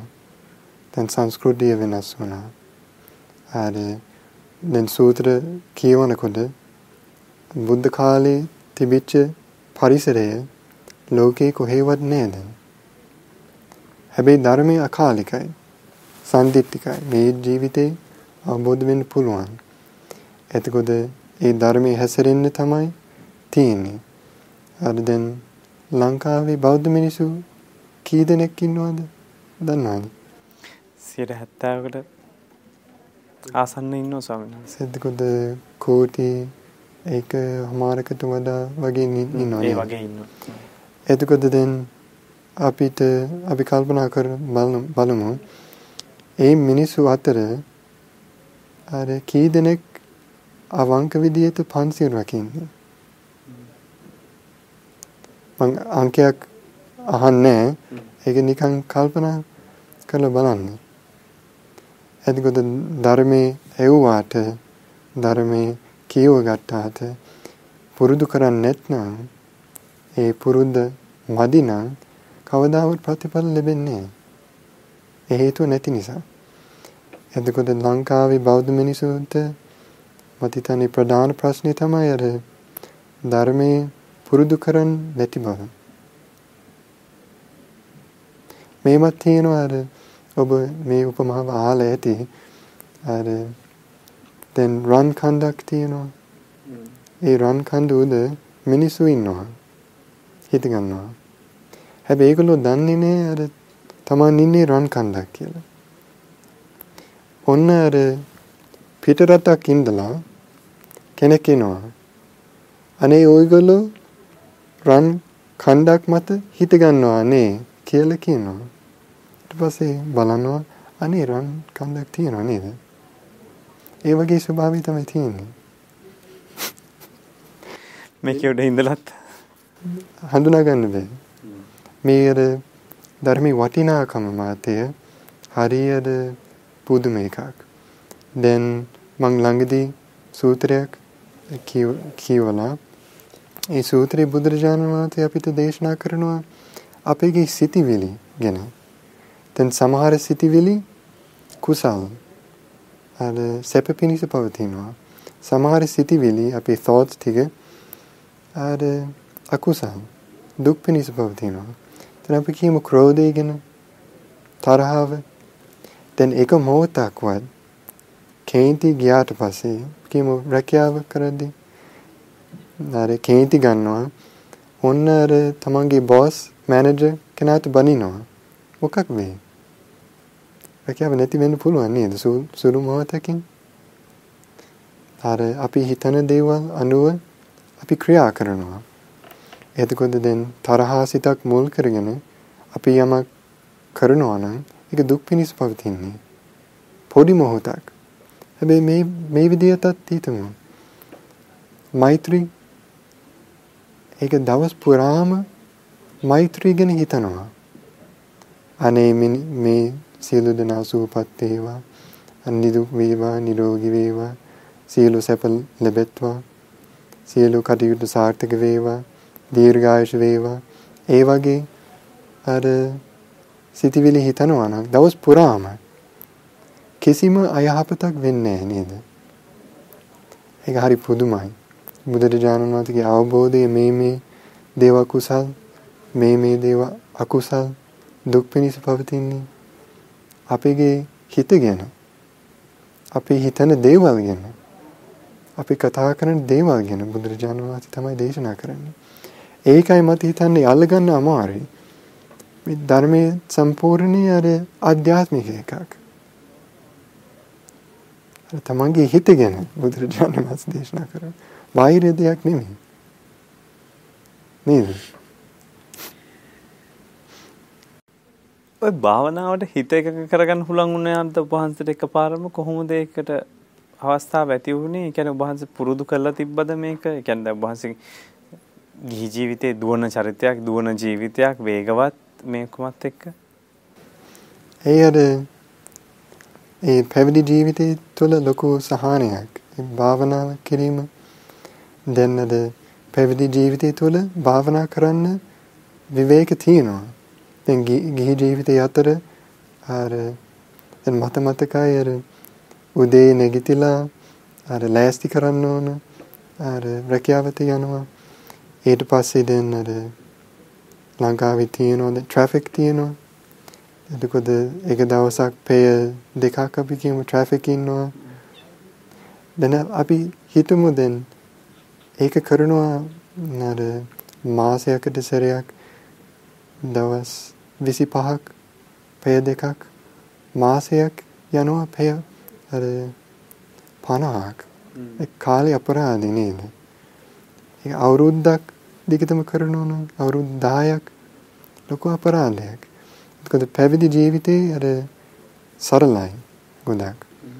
එතකොට වැඩිපුර විවේක තියෙනවා අර හිමින්ත ධර්මයේ කියවන්න පුළුවන් කමක් තියෙනවා අර බණ භාවනා කරන්න අවස්ථාවක් තියෙනවා අර රමණීය වනාන්තරේ ඉන්න පුළුවන් කමක් තියෙනවා. එතකොට පැවිදි ජීවිතය තුළ තමයි අර පරිසරය තියෙන්නේ. අර ඒ පරිසරය හදලා තියෙන්නේ අර භාවනා කරන්න හිත එකඟ කරන්න නිකන් ඉඳලා හිතුවට එහෙම බෑ. ගිහියෙකුට ලේසි නෑ. ලේසි නෑ හැබැයි පුළුවන්. දැන් අර ප්‍රධාන දේ තමයි අපි අර නිතර නිතර කුසල් අරමුණක් හිතනවා නම් දැන් ඒක හරි දුෂ්කර දෙයක්. ඒ කියන්නේ කේන්ති යන්නේ නැතුව මෙත් සිතින් ඉන්නවා. අර නෙක්ඛම් සංකල්ප ගැන හිතනවා. ඒ කියන්නේ කොහොමද දුකින් නිදහස් වෙන්නේ මේ අර ජීවිතය අනිත්‍ය ස්වභාවය වයසට යන ස්වභාවය මැරෙන ස්වභාවය මොකද්ද මොකක් වගේ ඒ වගේ දේවල් ගැන හිතනවා නම් ඊට පස්සේ දයාව කරුණාව සිටිවිලි පවතිනවා නම් ඒක කරන්න අමාරුයි හරියට. එතකොට දැන් ගිහි ජීවිතේ අර දැන් රැකියාවක් කරන්න එපා. සල්ලි හැම කරන්න ඕනේ. එතකොට විවේක වෙලාව සීමිතයි. හැබැයි අර පුළුවන් කමක් තියෙනවා. දැන් අර තමන්ගේ ජීවිතේ සරල කරගත්තොත් දැන් අර අපිට සංසන්දන්න පුළුවන් පැවිදි ජීවිතේ ගිහි ජීවිතේ. ඉතින් ගිහි ජීවිතේ අර කාම සැප වැඩි වෙනකොට ඒ ජීවිතේ අර ගිහි ජීවිතේ අර සැපේ වැඩි වෙනවා. සල්ලි වැඩි වෙනකොට සැප වැඩි වෙනවා නේද? ඒකයි මිනිස්සු අර සල්ලි පිටිපස්සේ යනවා හොයනවා. පැවිදි ජීවිතේ වෙනස් හැබැයි. අර තව තවත් සරල වෙනකොට ලද දෙයකින් සතුටු වෙන ලද දෙයකින් සතුටු වීම වැඩි වෙනකොට ගුණධර්ම මෛත්‍රී දයාව අර හුදකලාවේ වාසය කිරීම කුසල් මෙනෙහි කිරීම නුවණින් විමසීම. ඒ වගේ දේවල් අල්පේච්ඡතාව ලාභ සක්කාර කීර්ති ප්‍රශංසාවත නොඇලීම ඒ වගේ ගුණ ධර්ම වැඩි වෙනකොට ඒ පැවිදි පැවිද්ද තව තවත් සුන්දර වෙනවා. දැන් පැවිද්ද සුන්දරයිද? දැන් යම් කිසි අර ගිහි ජීවිතයට වඩා සුන්දරයි එහෙම කියනවා ඒත් ඉතින් ඉන්න තැනක් නැහැ. හරි තැනක්. එකම කුටියක් කියලා නැහැ. මම හිතන්නේ වහන්සලා මාස කිහිපයකට පාරක් මාරු වෙනවනේ විවිධ ස්ථාන වෙන වෙන අසුබයට වදිනවා. ඒක අවුරුද්දකට මං හිතන්නේ ස්ථාන 3-4කට මාරු වෙනව නේද? වෙන්න පුළුවන් ඇත්තට වේගෙ නෑ. දැන් බුදුරජාණන් වහන්සේ ආදීනව දේශනා කරලා තියෙනවා. එක එකම තැනක් දිගටම ඉන්නවා නම් එතකොට ඒ අර දැන් ඇත්තම අර පැවිද්දයෝ භික්ෂුන් වහන්සේලා අර හංසයෝ වගේ අර තැන අත්හැරලා වෙන අර විලකට වඩිනවා. පියාඹනවා. පියාඹනවා. එතකොට දැන් තමන්ගේ සතුය හරි අල්පයි දැන් අර පැවිදි ජීවිතයේ සම්පූර්ණ ආධ්‍යාත්මික දියුණුව එතකොට දැන් අර දැන් සිව්පසේ ඕන අර දැන් දානමාන නැතුවද මේ කය පවත්වන්න බෑ. ඉන්න තැනක් යම් කිසි ඉන්න තැනක් ඕන. අද ලෙඩ වෙනකොට බෙහෙතක් ඕනේ. හැබැයි ඒ දේවල් ඒ සිව්පසේ ආර්ථි තමයි මාර්ගේ උපකාර වෙනවා. මාර්ගේ වඩන්න අර පරිසරය අර භෞතික පරිසරය අර හදන්න උදව් කරනවා. එතකොට දැන් ඔබ වහන්සේ මා දන්න දැන් මෙහිම වඩිනකොට ඔබ වහන්සේ දැන් කොයි අසපුවේද මේ වෙලාවේ වැඩ ඉන්නේ මේ දිනවල වැඩ ඉන්නේ? මං අර පොගහවල. දිගටම පොගහවලද? දැන් අර අවුරුද්දක් විතර. ඉතින් දැන් ඔබ වහන්සේට වෙන තැනකට වඩින්න ඕන ගොඩක් වෙලාවට බස් එකක යන්නේ. පොදු ප්‍රවාහනේ පාවිච්චි කරනවා. ඒක කාත් එක්ක හරි යනවා. දැන් අතේ මුදල් නැහැ. මුදල් පාවිච්චි යන්නේ නැහනේ. පාවිච්චි කරන්නේ. ඒතර ඔබ වහන්සේලාගේ කොහොමද මේ ගමන අපි දන්නේ ඊළඟ ගමන යන්න පුළුවන් නේද? අපි හිතමු බණ්ඩාරල යන්න හිතනවා. කොළඹට එන්න ඕන ඇවිල්ලා ඊළඟ බස් එක තියෙයිද දන්නේ නැහැ. ඒතර කූපන් එකකින් වඩින්නේ. සල්ලි අත ගන්නෙම නැහැ. ඒතර හදිසියත් ඒ බස් එක නැති වෙනවා මිස් වෙනවා. මේවා ප්‍රශ්න නෙමෙයිද හාමුදුරනේ කොහොමද ඒතර සල්ලි මේක ප්‍රශ්නේ තමයි හැබැයි දැන් බුදුරජාණන් වහන්සේ සිල්පදයක් පනවල තියෙන්නේ එතකොට දැන් ඒ අර ඒ පැවිදි සාරයේ ගුණ ධර්මය මම කීපයක් කිව්වා. දැන් තව එකක් ඉවසීම. සිල්වත් බව. එතකොට දැන් ගිහි ජීවිතේ වුණත් පැවිදි ජීවිතේ වුණත් নানা ප්‍රකාර ප්‍රශ්නේ මොහොන දෙන්න සිද්ධ වෙනවා? ඒක අර බහැර අර බහැර කරන්න බෑ. අර අපි මේ සසර ගමනේ ඉද්දි. හැබැයි දැන් විශේෂයෙන් මේ කොරෝනා කාලේ ගොඩක් සංකීර්ණයි. බස් යන්නේ හැබැයි අර දැන් උපස්ථායකයෝ ඉන්නවා නම් ඒගොල්ලෝ උදව් කරනවා. උපාසකවරු. ඒහිද ප්‍රශ්නයක් නෑ. එතකොට අර දැන් බුද්ධ ශාසනයේ ක්‍රමයක් තියෙනවා. අර පැවිද්දන් භික්ෂුන් වහන්සේලා අර උපාසිකාව උපාසකයන්ටත් අර සිංහල සිංහල වචන දන්නේ නැහැ මියුචුවල් උපකාර එකිනෙකාට උපකාර වෙනවා. එතකොට දැන් අර භික්ෂුන් වහන්සේලා ධර්ම දේශනා කරනවා. එතකොට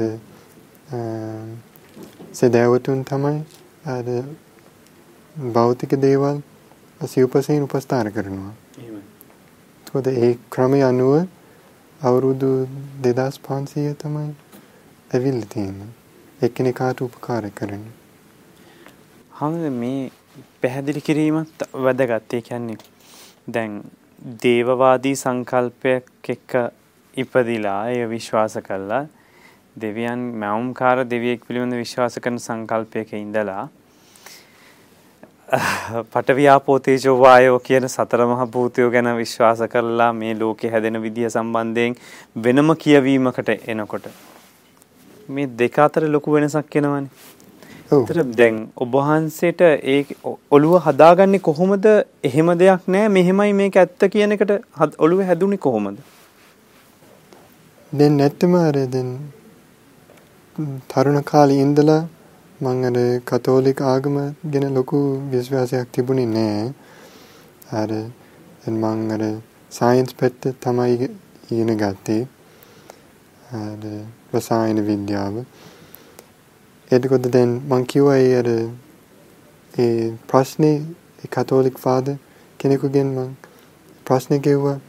ඒ ප්‍රශ්නේ තමයි දැන් අර දැන් දෙවියන් වහන්සේ කාරුණිකයි නම් අර සීලු ආධිපතිභාවයේ පවතිනවා නම් දැන් අපිට මේ කාලේට අදාළ ප්‍රශ්නේ එතකොට ඒ COVID-19 හැදුවේ දෙවියන් වහන්සේ ඔක්කොම හදනවා නම් කොරෝනා තමයි හැදුනේ නේද?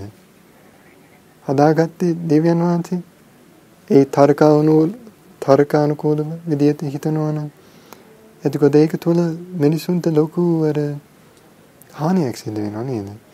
ඒකද ඒ වගේ ප්‍රශ්නේ මං මගේ කාලේ වාර රොමන් රොමන්ද මනුෂ්‍ය ඝාතනය ගැන ඒ මේ වගේ පාපී සිද්ධ වෙන්නේ කියලා දෙවියන් වහන්සේගේ අතින් එතකොට මට හම්බ වෙච්ච උත්තර අර මට පිළිගන්න බැරි වුණා.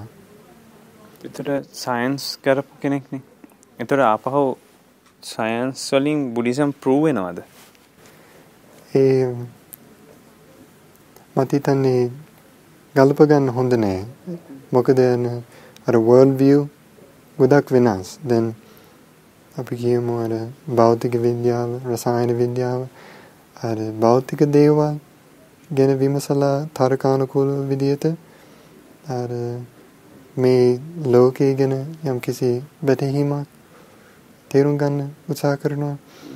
එතකොට දැන් ධර්මයේ වෙනස් බුදුරජාන් වහන්සේ ඒක අවස්ථාව කර එටේරිය අර කැලෑ ඉඳලා අර බුදුරජාන් වහන්සේගේ අතට එටේරිය කොළ කීපයක් ගත්තා.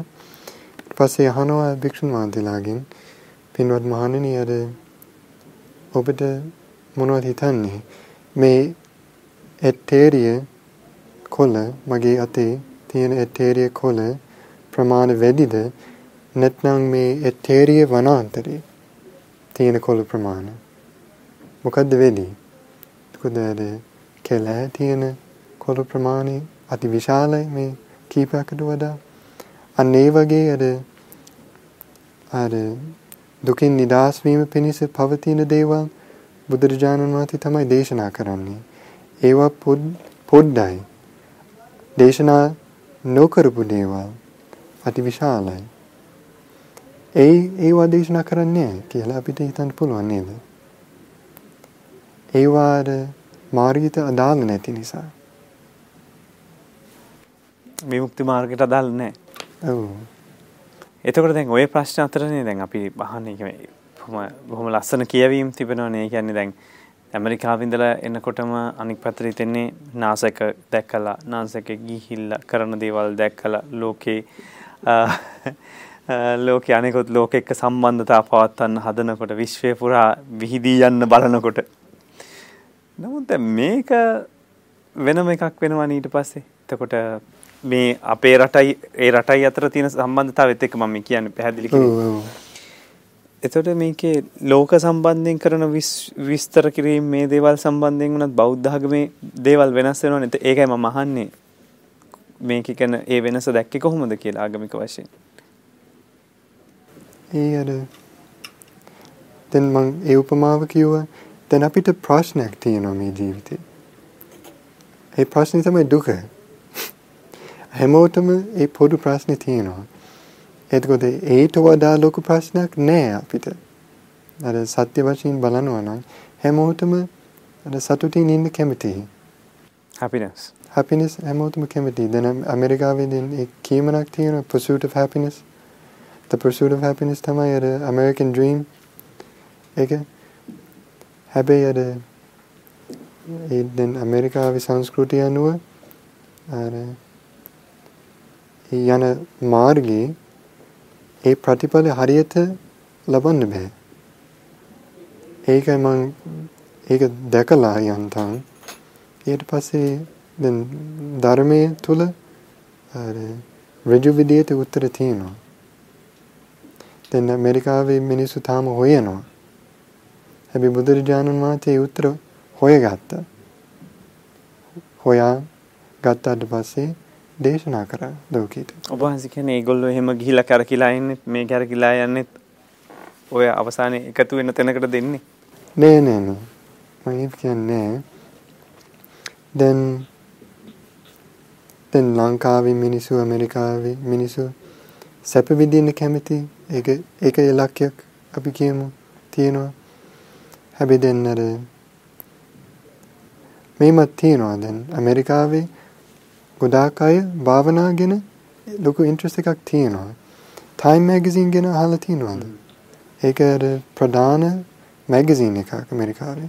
දැන් කීප වතාවක් සිහිය mindfulness අර ෆ්‍රන්ට් කවර් එක දාලා තියෙන්නේ. මිනිසුන්ට ලොකු ඉන්ට්‍රස්ට් එකක් තියෙනවා. මොකද දැන් මේ මේ සයන්ස් මේ විද්‍යාව තාක්ෂණේ දියුණු වෙලා තියෙන්නේ. හැබැයි මිනිසුන්ගේ ප්‍රශ්නේ ඉවර නෑ. මිනිසුන්ට තාම දුක තියෙනවා. තාම තෘප්තිමත් වෙන්නේ නෑ. කවදාවත් තෘප්තිමත් වෙන්නේ නෑ. අර කාමසපෙන් ඒක ස්වභාවය. එතකොට ඒක වැටහෙන්නේ නැත්නම් ඒ පාර තාම යනවා. සමිනස් දැන් ඔප ලංකාවේ ගොඩ දෙනෙක් අපි කිව්වේ දැන් මේක ආගමික වශයෙන් ඒ අයට ආගම ලැබිලා තියෙනවා. නමුත් ඒ අය පුරුදු පුහුණු කරපු දේවල් ටිකක් තියෙනවා. හැබැයි ඒ වුණාට ඒ අය මේ රන් කඳක් උඩ ඉඳගෙනත් දන්නේ නැහැ කියන එකනේ. ඒතර අපේ අයට මේක හොඳ පැත්තට වර්ධනය කරගන්න පහසු විදිහක් නැද්ද? තියෙනවා මට හිතන්නේ මාතිය. දැන් අර ලංකාවේ මිනිස්සු මේ වගේ ගුණධර්ම තියෙනවා. දැන් දන්පෙන් පූජා කරනවා හොඳට.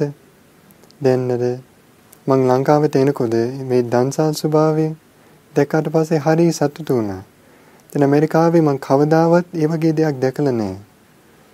නිකන් අර නොමිල කාට හරි ඒ කියන්නේ ආගම, ಜಾති කිසිම වෙනසක් නැතුව හැමෝටම පොදු විදියට ආහාර දෙන එක ඒක හරි ලස්සන පුරුද්දක්.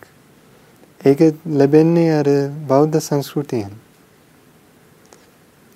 දැන් අර ඒ වගේ ගුණ ධර්ම තියෙනවා. අර ලංකාවේ මිනිසුන් තුළ ඊට පස්සේ අර මෙහි බම්බසරගෙන අර ගරු කිරීමක් තියෙනවා. ඉන්දියාවෙත් තියෙනවා. දැන් අර ඇමරිකාවේ ඉතිහාසයේ එහෙම එකක් නැහැ. බම්බසර ඒ කියන්නේ අර පංචකාම ගුණ පංචකාම ගුණයෙන් වෙන්වීම ඉන්න ස්වභාවය එහෙම එකක් නැහැ ඇමරිකන් ඉතිහාසයේ. අපි ඉන්දියාවේ ලංකාවේ තියෙනවා. එතකොට මිනිස්සු ගරු කරනවා. පුදනවා. අර චෛත්‍ය රාජන් වහන්සේලාට බෝධින් වහන්සේලාට සිද්ධාස්ථානි ඉතිහාසික සිද්ධාස්ථානි තියෙනවා ලංකාවේ. එතකොට ඒ අර තමන්ට උරුණු මොකද වෙන උරුම වෙන දේවල් අර ගොඩක් තියෙනවා ලංකාවේ දැන් අපිට දැන් මේවා දැන් ඔබ වහන්සේ ඇමරිකාවේ ඉඳලා ඇවිල්ලා කියනවා වැඩලා කියනවා අපිට මේවා කරන්න කියලා. දැන් අපේ රටේ අලුතින් සංස්කෘතියක් විදිහට හැදෙන දේ තමයි මොකටද මේ gadol ගොඩකට වඳින්නේ? මොකටද මේ gadol පිළිමයකට වඳින්නේ? එහෙම නැත්තම් මොනවද මේ කරන්නේ? මේ වගේ මේව නිකන් කිසිම හේතුවක් නැති මේ දේවල් විදිහට හඳුන්වන ස්වභාවයක් තමයි මතුවෙන්නේ. ඒ අර්ථය තේරුම් ගන්න ඕනේ.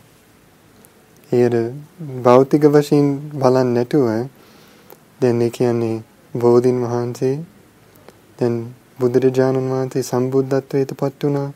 ඉන්දියාවේ බුද්ධගයාවේ අර ජයශ්‍රී මහා බෝධින් වහන්සේ අර වජිරාසන වාඩි වෙලා.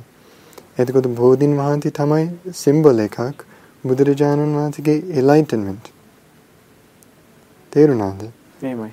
එතකොට බුදුරජාණන් වහන්සේගේ enlightenment අර විස්තර වශයෙන් අර කියන්නේ ඉවර කරන්න බෑ. ඉවර කරන්න බැරි එකක් ඒ කියන්නේ බුදුරජාණන් වහන්සේ enlightenment ධර්ම අවබෝධ වෙනකොට සියලු දුකින් නිදහස් වුණා. එතකොට මේ බෝධින් වහන්සේ තමයි ඒක සිම්බල් එකක්. ඒකට. ඒකට කරන්න ඕනේ අවස්ථාව. ඒක අර ඒ හරි විදියට කල්පනා කරන්න ඕනේ. චෛත්‍යයත් එහෙමයි. බුදු පිළිමත් එහෙමයි. ඒ අර සිම්බල් විදියට බැලුවා නම් මොකද්ද ආර්ථේ බුදු කෙනෙක් කවුද? බුදුරජාණන් වහන්සේ ගුරු උපදේශ නැතුව චතුරාර්ය සත්‍ය අර අවබෝධ වුණා. ආර්ය අෂ්ටාංගික මාර්ගය හොයාගත්තා. ඒකම විශ්මිත පුදුම දේවල්. ඒ වගේ දේවල් සීකරලා බුදුරජාණන් වහන්සේගේ ශ්‍රේෂ්ඨ ගුණ නමය සීකරලා තමයි වන්දනා කරන්න සුදුසුයි. ඒක අර අර්ථයක් නැතුව කරනවා නම් ඒ වගේ ප්‍රශ්න ඉස්මතු වෙනවා. ඒ අපි මේ කරන්නේ. පැහැදිලි නමුත් ඉතින් ගොඩක් වෙලාවට වෙන්නේ එහෙම දේවල් නෙමෙයි ගොඩක් වෙලාවට අපි හිතන විදිහ වැරදි. බෝධියක් ළඟදී අපි ඉල්ලන දේවල් බලාපොරොත්තු වෙන දේවල් අපි දැන් මට හිතන්නේ අර දැන් බුද්ධ දහම ලංකාවේ සංස්කෘතියට මිශ්‍ර වෙලා තියෙන්නේ. ඒක යහපත පැත්තක් තියෙනවා. මං කිව්ව දන්සල් අර ගරු කළ යුතු අයට ගරු කිරීම දැන් අර ගුරුවරයන්ට ඉස්කෝලෙන් දැන් මේ කාලේ මට හිතන්නේ අඩුයි ළමයි අතර. හැබැයි කලින් ඊට පස්සේ අර දෙමව්පියන්ට ගරු කිරීම ඒවා හරි ලස්සන අර ඔබ කියන්නේ සිරිත් විරිත් නේද? ලස්සන පුරුද්ද. දැන් ඇමරිකාවේ ඒව නෑ. එතකොට දැන් අර ඒ සංස්කෘතිය තියෙනවා. හැබැයි ධර්මයේ හරියට දන්නේ නැත්නම් ඒ අර කල්පනාව තුළ පාඩුවක් වෙන්න පුළුවන්. දැන් මෙහි වුණාට ඒක අනිත් පැත්තේ සංස්කෘතියනේ මේ ප්‍රොමෝට් කරන්න හදන්නේ. කියන්නේ දැන් කෙලින්ම කතා කරලා වහන්සේට කතා කරන්න පුළුවන් නම් අරිය විමුක්ති කොහොමද කියලා අහන්න පුළුවන් නම් එහෙම නැත්නම් තව කෙනෙකුට අදා හලෝ නම කියලා කතා කරන්න අයියා අක්කා නංගි මල්ලි ඒව අවශ්‍ය නැහැ. අම්මා තාත්තා අවශ්‍ය නැහැ. දුව පුතා කියලා අපේ දරුවන්ට කතා කරන්නේ. නමුත් ඔබ වහන්සේට කතා කරන්නේ නැති ඔබ වහන්සේගේ නම කියලා. ඉතින් ඒව තමයි දැන් අලුතෙන් එකතු වෙන දේවල්. ගුරුවරයාගේ සිට පාසලේ හැමතැනම එකතු වෙන දේවල්. එතකොට දැන් ඔබ වහන්සේ එහි ඉඳලා කියනෝ නෑ මේක හොඳයි කියලා. අපි මෙහි ඉඳලා කියනෝ නෑ ඒක හොඳයි කියලා. මන්ට හිතා ගන්න බෑ අතරම මේක. ඔව් දැන් අර මට හිතන්නේ නිකන් hina වෙන්න ඕනේ. දැන් ලංකාවේ මිනිස්සු මට හිතන්නේ ගොඩාක් මිනිස්සු අර ඇමරිකාවේ අර තියෙන දේවල් දැකලා ඒ කැමති. ඒ වගේ ජීවිතයක් කැමති. ගොඩාක් මිනිස්සු අර පිටරට වලට වලට යනවා නේද? ලංකාවේ මිනිස්සු.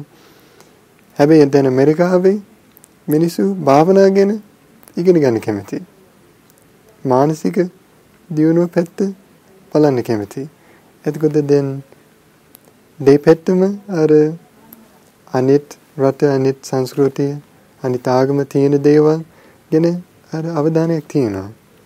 එතකොට මේ දෙකම ගැන අර අවබෝධ වුණාම ඒ හොඳ පැත්ත විතරයි ගන්න පුළුවන් මත හිතන්නේ. ඒ කියන්නේ හේින්නත් සතුටින් නෙමෙයි මෙහෙින්නත් සතුටින් නෙමෙයි සතුට සොයාගෙන මාර්ගයේ තිබ්බට මාර්ගේ ගිහිල්ලා නැහැ. දැන් දෙකම අර හොඳ පැත්තක් තියෙනවා. නේද? දැන් අර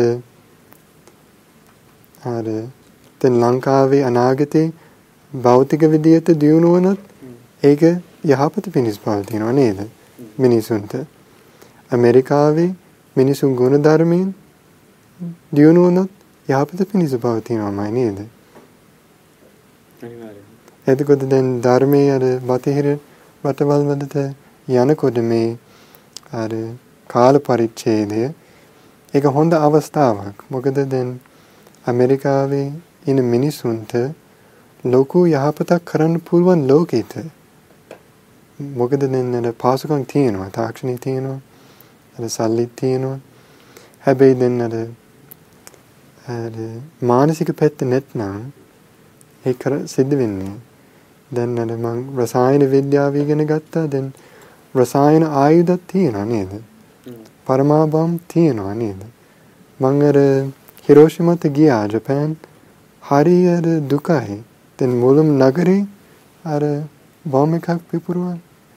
හිතන්නේ මිනිස්සු ලක්ෂ ගානකට වඩා මෙරුණා ඒක අවස්ථාව. මං හම්බුණා අර සර්වයිවර් කෙනෙක් අර කාන්තාවක් ඒ අර ඒ කියනවා මේ ඒ සිද්ධිය ගැන. මට හිතන්නේ පවුල කට්ටිය ඔක්කොම මෙරුණා. ඒ සිද්ධිය. දැන් ඒකද දැන් සිංහල ලස්සන වචනයක් තියෙනවා පාප බුද්ධි. එතකොට දැන් අර තාක්ෂණේ දියුණු වෙනකොට දැන් ගුණධර්ම නැත්නම් මානසික පැත්ත දියුණු වෙන්නේ නැත්නම් ලොකු හානියක් වෙන්න පුළුවන්. ඊට පස්සේ දැන් ලංකාවේ භෞතික වශයෙන් දියුණු වෙන්නේ නැත්නම් දුප්පත් මිනිසුන්ට අර ලොකු දුකක්. එතකොට දෙපැත්ත දෙපැත්තම දියුණු වෙනවා නම් හොඳයි. දැන් ඒක කරන්න පුළුවන් අර අනිවාර්යෙන් ධර්මයෙන් උපකාරයක් ඕන. කියන්නේ දැන් අර අපි කලින් කතා කරා අපි හිතන දේවල් ගැන දැන් අපි හිතන දේවල් අනුව රණ්ඩු හට ගන්නවා. අපි පවුල අතරේ අර කාර්යාලේ සමාජයේ අපි බෞල වශයෙන් කාම විතර්ක හිතනවා නම් බෞල වශයෙන් අර තරහව යනවා නම් අර තරහ සිටිවිලි හිතනවා නම් බෞල වශයෙන් හිංසා විතර්ක හිතනවා නම් ඒවා කොම රණ්ඩු පිනිස පවතින්නේ? සමගී නෙමෙයි. හැබැයි අපි මෙත් සිතින් හිතනවා නම් එක්කිනෙක් එක්කිනෙකාගෙන සමාජගෙන පවුලගෙන ඊට පස්සේ අහිංසක බව දයාව තියෙනවා නම් මේ දුකට හේතුව මොකද්ද? මේ තියෙන දුක කොහොමද නිදහස් වෙන්නේ කියලා. ඒ වගේ සිතිවිලි ගැන හිතනවා නම් ඒක සමගී පිණිස පවතිනවා. බුදුරජාණන් වහන්සේ දේශනා කළේ. බලන්න මේ අපේ ලෝකේ හෙදෙන්නේ අපේ හිතන රටා අනුව. බුදුරජාණන් වහන්සේගේ අවබෝධයයි. එතකොට දැන් පවුලේ සමගින් ඉන්න කැමති නම් අපි සමාජයේ රටේ සමගින් ඉන්න කැමති නම් අපේ සිතිවිලි තමයි බලන්න ඕනේ. ඔබ වහන්සේට කොහොමද මහමෙවුනාව දැනෙන්නේ දැන් එළියේ ඉඳලා බලනකොට ලංකාවේ බොහෝ දෙනෙකුට නම් සමහර අයට හිතෙනවා තරුණයෝ සෑහෙන පිරිසක් මහාන වෙනවා රටපාලු වෙලා යන ওই විදිහට මහනුනොත් නම් මහමෙවුනාවේ ඔක්කොම තරුණ පිරිස ඉගෙන ගත්ත බුද්ධිමත් ප්‍රජාවක් ගිහිල්ලා මහාන වෙන හින්දා කියලා. පැවිදි වෙන හින්දා කියලා. ඔබ වහන්සේට කොහොමද හිතෙන්නේ ගැන? දැන් අර දැන් ඒ විදිහට හිතනවා නම් මට හිතන්නේ ධර්මයේ හරියට ඉගෙන ගත්ත නැති පිරිස.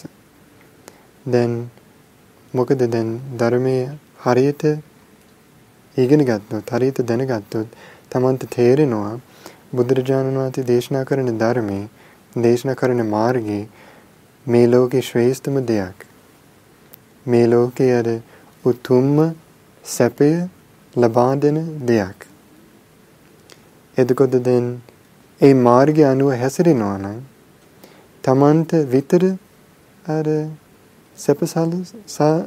සැපසලසා දෙන්නේ මොකද දැන් අර ස්වාමීන් වහන්සේලා ධර්ම දේශනා කරනවා.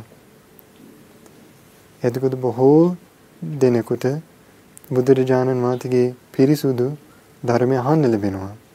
අහන්න ලැබෙන්නේ නැත්නම් පුරුදු කරන්න දෙයක් නැහැ නේද? ඒ උතුම් මාර්ගය පුරුදු කරන්න බැරි නම් ඒ උතුම් ආනිසංස ලබා ගන්න අවස්ථාවක් නැහැ. මේමත් තියනවා දෙන්නද? බොහෝ අය කියලා කිව්වාම දෙන්නද සිය ගණන් වැඩි ඉන්නවා භික්ෂුන් වහන්සේලා. හැබැයි දැන් ලංකාව සමාජය අතර දැන් කෝටි ගණන් ඉන්නවා. ඇත්තම පොඩි පිරිසක්. ඒ ගැන හිතලා වැඩක් නැහැ. ඒක අර ඒ පැත්තේ හිතන්න ඕනේ මම හිතන්නේ. දැන් මාර්ගය පැහැදිලිද හාමුදුරනේ? ආර්ය අෂ්ටාංගික මාර්ගයද? ඔබ වහන්සේගේ මාර්ගය. විමුක්තිය. කමන. බලාපොරොත්තුව. මගේ මාර්ගය අර බුදුරජාණන් වහන්සේ දේශනා කරපු මාර්ගය. ඒ අවසානයේ ඒ අවසානයේ අර ඒ දැන් මෙහිමයි ධර්මයේ පුරුදු වෙනකොට අපිට ඉක්මනට ප්‍රතිඵලයක් ලබා ගන්න ඕන කියලා අර අපේක්ෂාව තියාගන්න හොඳ නෑ. මොකද හිත මෝරා ගන්න ඕන. විශේෂයෙන්ම මේ කාලේ අපිට අර මේක පිරිහීගෙන යන කාලේ මාතේ දැන් අර අපේ දමව්පියන්ට තේරෙනවා ඇති අර ඒගොල්ලොන්ගේ පොඩි කාලේ අර සමාජේ ඊට පස්සේ මේ කාලේ තියෙන සමාජේ වෙනසක් තියෙනවා. පිරීමක් පේන්න තියෙන්නේ එතකොට අපිට ගොඩක් බාධා තියෙනවා. ආධ්‍යාත්මික බාධා තියෙනවා. හැබැයි ධර්මයේ අකාලිකයි සම්දිත්තිකයි මේ ජීවිතේ බුදුරජාණන් වහන්සේගේ ධර්මයේ පුරුදු වෙනවා නම් ධර්ම අවබෝධ වෙන්න අවස්ථාවක් තාම තියෙනවා. ලේසි නෑ හැබැයි. මට තාම හිතාගන්න බෑ. ඇයි ඔබ වහන්සේට බුද්ධ ආගමම බුද්ධ ධර්මයම මෙච්චර විශේෂ වුණේයි කියලා. දැන් මම අර වෙන වෙන ආගම් ගැන ඉගෙන ගන්නකොට දැන් ධර්මයේ තුල අනාත්ම කියලා බුදුරජාණන් වහන්සේ දේශනා කරනවා. එතකොට ස්ථීර සාර දෙයක් නැහැ අපි ජීවිතය තුළ. අපගේ වසඟය පවත්වන්න බෑ. මේ ලෝකේ තියෙන දේවල් ගැන. එතකොට දැන් අපි බැලුවොත් අර අනිත් ප්‍රධාන ආගම්වල අර සාස්වත දෘෂ්ටි තියෙනවා. කියන්නේ සදාකාලික අර ස්වර්ග ලෝකයක් තියෙනවා මේ ජීවිතයෙන් පස්සේ. එහෙම නැත්නම් අර සයන්ස් තියෙනවා අර භෞතිකවාද තියෙනවා. අර මරුණාට පස්සේ මොකුත් නැහැ කියලා. ඊට පස්සේ දැන් ධර්මයේ තුල අනාත්ම අර ධර්මයේ තමයි විශේෂයි. වෙන ධර්මයක් ඒ වගේ අර ටීචින් එකක් නැහැ. කිසිම. වහන්සේ කියන්නේ විශ්වාසයක් නැහැ මේ තිබුණ ස්වර්ගයට යයි කියලා. දැන් එතකොට ආපහු නැවත උපතක් ප්‍රතිසන්දියක් ලබනවා කියලා විශ්වාසයක් ඇති කරනවනේ. විශ්වාස කරනවා. දැන් ධර්මයේ තුල පැහැදිලි තියෙන්නේ. දැන් අර ඒක ප්‍රශ්නයක් තියෙනවා අර ඇමරිකාවේ මං දැන බටහිර රටවල් ගැන ලොකු දැනුමක් නැහැ. අර මිනිස්සු සමහර කරුණු පිළිගන්නවා ධර්ම. සමහර කරුණු අර බැහැර කරනවා. කියන්නේ ශ්‍රද්ධාවෙන් පිළිගන්නේ තමන් ළඟ තියෙන දෘෂ්ටි අනුව කරුණු ගන්නවා. ඒක අර අපරාධයක්. දැන් අර අර අනාත්ම තුල බුදුරජාණන් වහන්සේ දේශනා කරනවා අපේ අර සසර යන අර ගමන ඒක හේතුවක් තියෙනවා. හේතුඵල දහමින් සිද්ධ වෙන එකක්. දැන් අපිට ප්‍රාර්ථනාවෙන් කරන්න බෑ යලි උපතගෙන. අනි අපි කැමති විදියට මේ ලෝකේ දේවල් සිද්ධ වෙන්නේ නේද? එතකොට අර පරලෝක ගැන කවරක දාද? හැබැයි හේතුව සකස් කරගත්තොත් ප්‍රතිඵල තියෙනවා. එතකොට අර දිව්‍ය ලෝකිත යන්න කැමති නම් දැන් මනුස්ස ලෝකයට වඩා ශ්‍රේෂ්ඨයි දිව්‍ය ලෝකේ සැපේ ශ්‍රේෂ්ඨයි. එතකොට දිව්‍ය උපතක් ලබාගෙන කැමති නම් ඒට අදාළ හේතු සකස් කරන්න ඕන. ඒ තමයි තමා තුළ බුදුරජාණන් වහන්සේගේ අවබෝධය ගැන ශ්‍රද්ධාව දියුණු කරන්න ඕන. ඊට පස්සේ සිල්වත් බව, ධර්මඥානය, ආද ත්‍යාග, ඊට පස්සේ ප්‍රඥාව. මේ ලෝකේ පවතින අනිත්‍ය ස්වභාවය ගැන අවබෝධ වෙන්න ඕන. යම් කිසි වැටහීමක්. ඒ වුණාට බුද්ධ ආගම නිකන් දුක කියනවා වැඩි වගේ නැද්ද හඳුනේ හැමතිස්සෙම දුක දුක දුක දුකමනේ කියන්නේ. මෙහෙමයි මහත්තය. ඒක ඒ වගේ චෝදනාවක් තියෙනවා නේද? සතුට ගැන නෙමෙයිද කියන්නේ කියලා හිතනවා සමහර වෙලාවට. සතුටක් පැත්තක් තියෙනවා. අර දැන් අපිට ප්‍රශ්නේ තියෙන්නේ ඒ දුක අපිට අර පැහැදිලි නෑ. හඳුනා ගන්නෑ. ඒකයි බුදුරජාණන් වහන්සේ වැඩියෙන් දේශනා කරනවා. හැබැයි ආර්ය සත්‍ය හතරක් තියෙනවා. දුක ආර්ය සත්‍ය. ඒක හරි දුක ගැන දේශනා කරනවා. දුකට හේතුවකුත් තියෙනවා. දුක නැතිවීමකුත් තියෙනවා. ඒ දුක නැතිවීම තමයි සැපේ. ඒ සැපය ලබා ගන්න මාර්ගයක් තියෙනවා. එතකොට දුක විතර ගැන බුදුරජාණන් දේශනා කරන්නේ. අවසාන සැපේ තියෙන. අවසාන සැපේ නේද? ඒ සැපේ හොයාගෙන යන ගමනක් ඔබ වහන්සේ. ඉතින් මම හිතන්නේ ගොඩ දෙනෙකුට අපිට සමහරලාට සැපය මගහැරුණ වෙන්න පුළුවන්. නමුත් ඔබ වහන්සේට ඒ සැපය ලැබෙන්නට ප්‍රාර්ථනා කරනවා. මම හැමෝටම ගැන ප්‍රාර්ථනා කරනවා. මේ අවස්ථාවට වැඩම කරාට බොහොම පිං ඔබ වහන්සේට নমස්කාර පූර්වක ස්තුතිය. ගොඩක් අපිට අවශ්‍ය වුණේ ඇත්තටම මේ තවත් විදේශික ස්වාමින් වහන්සේ නමක් සමග වැඩසටහන කරනවට වඩා හේතු වෙච්ච කාරණා මොනවද හේතු මොනවද සහ එහෙම නැඹුරුවක් ඇති වුණේ ඇයි කියන එක සමහරට අපිට අර කිව්වගේ රන් කඳ උඩ ඉඳලා මේක තේරෙන්නේ නැති හින්දා වහන්සේකින් දැනගන්න තිබ්බනම් තව හොඳයිනේ කියලා බොහොම নমස්කාර පූර්වක ස්තුතිවන්ත වෙනවා අපිත් එක්ක අද මේ ධර්ම සාකච්ඡාවක් නෙමෙයි චෝක් විච් චතුර වැඩසටහන. නමුත් මෙතන සම්බන්ධ වුණේ ඇමරිකාවේ අරිය විමුක්ති ස්වාමින් වහන්සේ. එහෙම කියනකොට උන්වහන්සේ එකඟ නැහැ.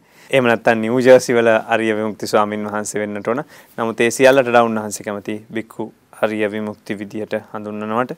ඉතින් ඔබ වහන්සේට අපි මේ සම්බන්ධ වීම පිළිබඳව ස්තුතිවන්ත වෙන ගමන් අවසාන වශයෙන් යම් කිසි අනුමෝදනාවක් කරන්න පුළුවන් ධර්ම දේශනාවක් වගේම තමයි වැඩසටහන බැලුවත් ඕනම කෙනෙකුට. දැන් අපිට වටිනාම දෙයක් තමයි මේ අර ජීවිතයේ ඉදිරියට යනකොට අර කල්යාණ මිත්‍ර සම්පත්තිය ඒ කියන්නේ අපි ජීවිතේ තුල යාළුවෝ වෙන වෙන යාළුවෝ ඉන්න පුළුවන්. හැබැයි යාළුවන්ට අර අපේ අධ්‍යාත්මික ප්‍රශ්නේ ඒක මිදින්න සමහර අය උදව් කරන්නේ ඒ කල්යාණ මිත්‍ර තමයි මේ අර ස්පිරිචුවල් මාර්ගේ ගමන් කරන්න උපකාර කරනවා. දැන් අර බුදුරජාණන් වහන්සේ දේශනා කරනවා අර මිනිස්සු හතර දෙනෙක් ඉන්නවා ලෝකේ. අර අඳුරින් අඳුරට යන කෙනා. අඳුරින් එළියට යන කෙනා. එළියෙන් අඳුරට යන කෙනා. එළියෙන් එළියට යන කෙනා. කියන්නේ සමහර දුප්පත් විදියට ඉපදලා ඉන්නේ නේද? දැන් ආහාර පාන නැහැ, ඇඳුම් නැහැ, හරි දුෂ්කර විදියට ජීවත් වෙනවා. රැකියාවත් හරියට නැහැ. හැබැයි සමහරුත් මිනිස්සු ඉන්නවා බටහිර රටවල අපි කියමු. හරි පොහොසත්. කිසිම ප්‍රශ්නයක් නැහැ මුදල් ගැන. රැකියාව හොඳට තියෙනවා. ලස්සනයි. හැබැයි ඒ අර මේ දෙකම අතර ශ්‍රේෂ්ඨ වෙන්නේ මොනවද? තීරණය ගන්න ඕනේ. Taman හැසිරෙන විදියට මේ ජීවිතේ. මොකද දැන් අපි කරන ක්‍රියාව අනුව අනිත් උපත සකස් වෙන්නේ. අපි හොඳ දේවල් කරනවා නම් එළියට යන්න පුළුවන් කමක් තියෙනවා. අපි නරක දේවල් කරනවා නම් අර සතර පායට යන්න පාර කපාගෙන යනවා. එතකොට වැදගත්ම දේ තමයි අර පෝසත් විදියට දූපත් විදියට ඉපුණු ඉපදුනා කියලා එහෙම එකක් නැතුව අපේ මේ ජීවිතේ කරන හොඳ දේවල් තමයි. එතකොට ඒවා ලංකාවේ මිනිසුන්ට දියුණු වෙන්න පුළුවන් නම් කියන්නේ සියල්වත් බව, කරුණාව, මෛත්‍රී ඒ වගේ දේවල් දන් දීම දියුණු වෙන්න පුළුවන් නම් ආධ්‍යාත්මික විදියට දියුණු වෙනවා, රට දියුණු වෙනවා, සමාජයක දියුණු වෙනවා මත හිතන්නේ. අර දැන් මං දැන් මං සතුටු වෙනවා මේ වගේ අවස්ථාවක්. අර දැන් මං පිට ඉඳලා බලනවා වගේ ලංකාවේ. එතකොට වෙන පර්ස්පෙක්ටිව් එකක් මත තියෙනවා. අර එතකොට ලංකාවේ මිනිසුන්ට යහපත පිණිස පවතිනවා නම් මං අර කියපු පුංචි කාරණාවක් වුණත් ඒක ගැන මං සතුටු වෙනවා I would like to something to know about in English because everyone watching the program and uh, you can explain how Buddhism and Sri Lanka's Buddhism and the Buddhist culture and what your thoughts about the Buddhism in English. in English, yeah. So Chature, um, my journey has been an interesting one in this life. So I was, was born in the United States, right? And so, born, educated in the United States, I grew up in that culture, born into a Catholic family. But from uh, a young age, I understood there was something missing in, In my life. life. Yes, and not only my life, but the lives of all the all people around me as well. So, from a young age, I was trying to figure out what, how to fill that missing piece, how to find the missing piece, and I, I learned Buddhism a little bit in the beginning, and I had an interest in a, a meditative lifestyle. So I learned about how monks were living in Korea, and so they're living secluded lives, meditating. I thought that was interesting, very different from the life I was leading at school, trying to pass exams, right? So, and I, I understood that the the way I was going in life, always thinking about the future, always waiting for happiness to come to me at some further time, not now.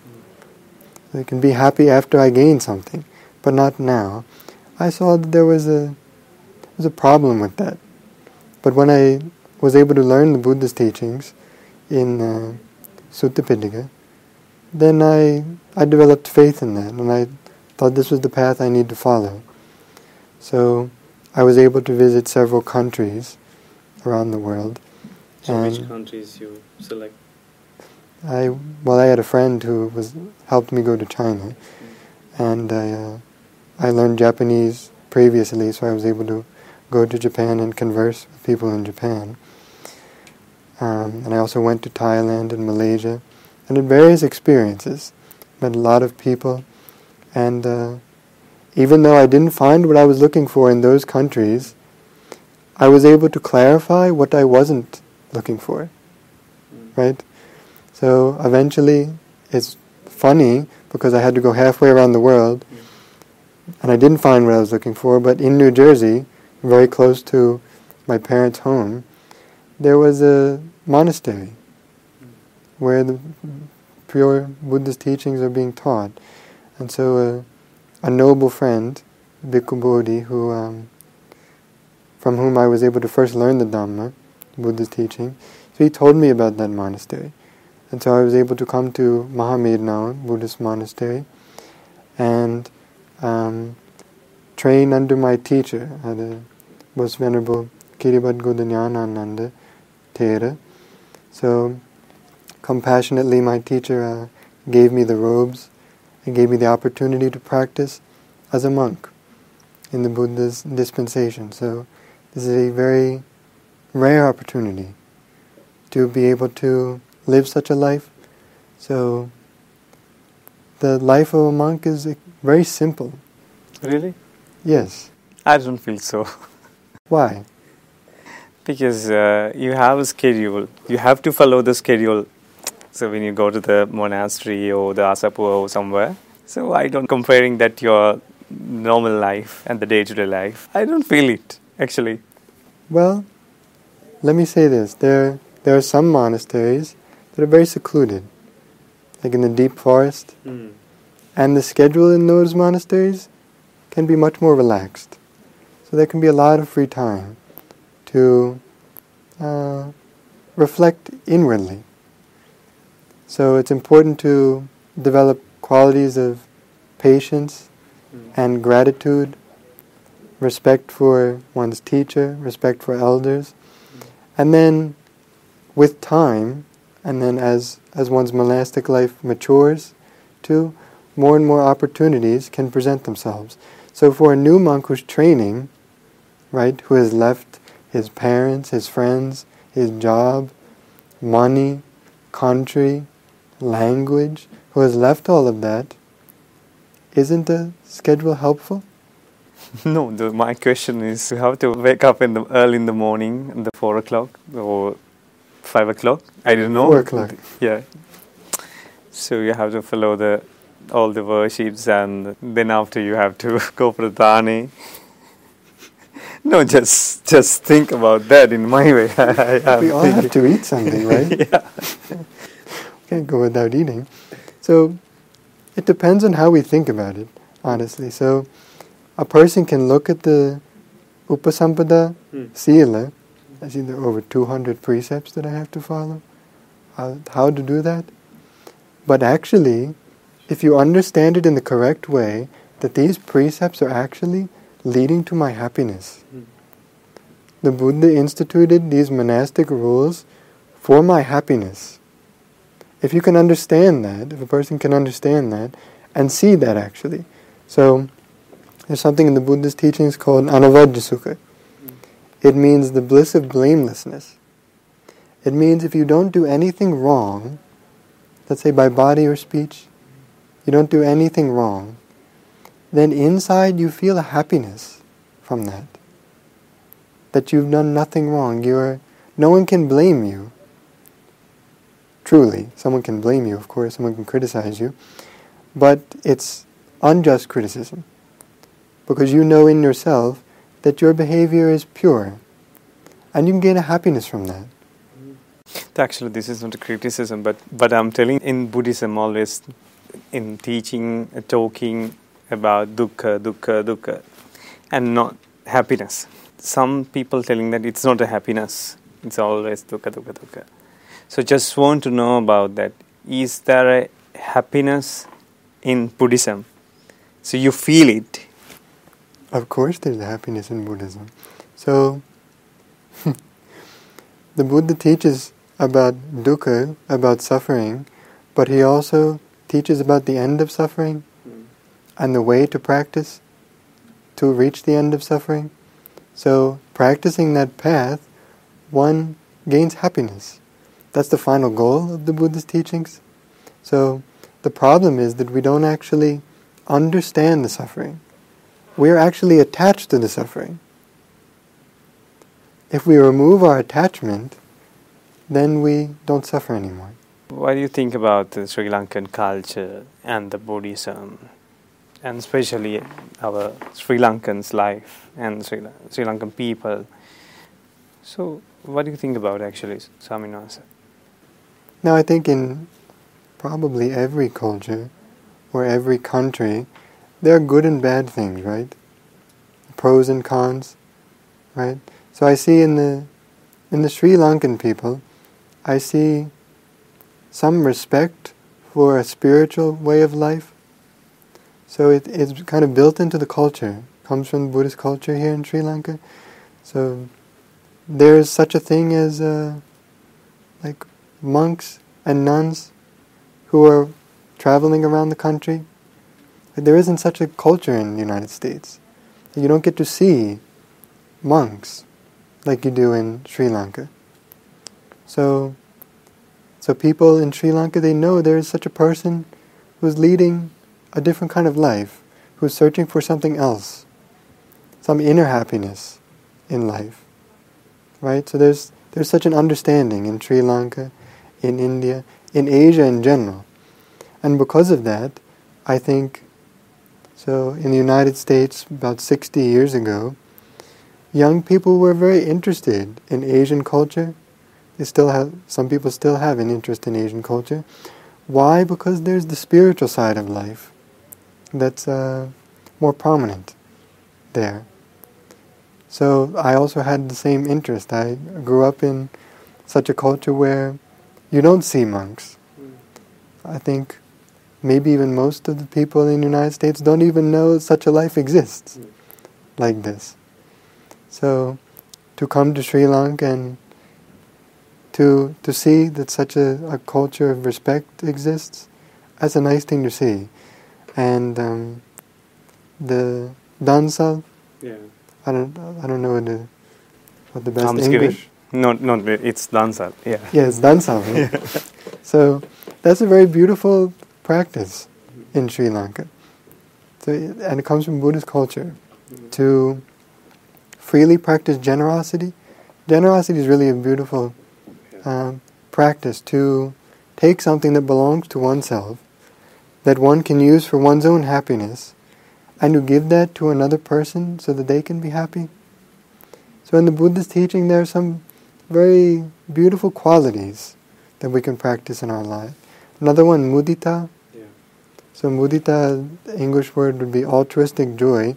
So we are happy when other people are happy. Mm-hmm. We're happy at other people's success when they're developing in something. So normally we become jealous, right? As normal nature of human beings. But to try to remove that jealousy and to be genuinely happy uh, about others' success is a really beautiful quality that we can practice. And I don't think it is, that's taught anywhere else but the Buddha's teachings.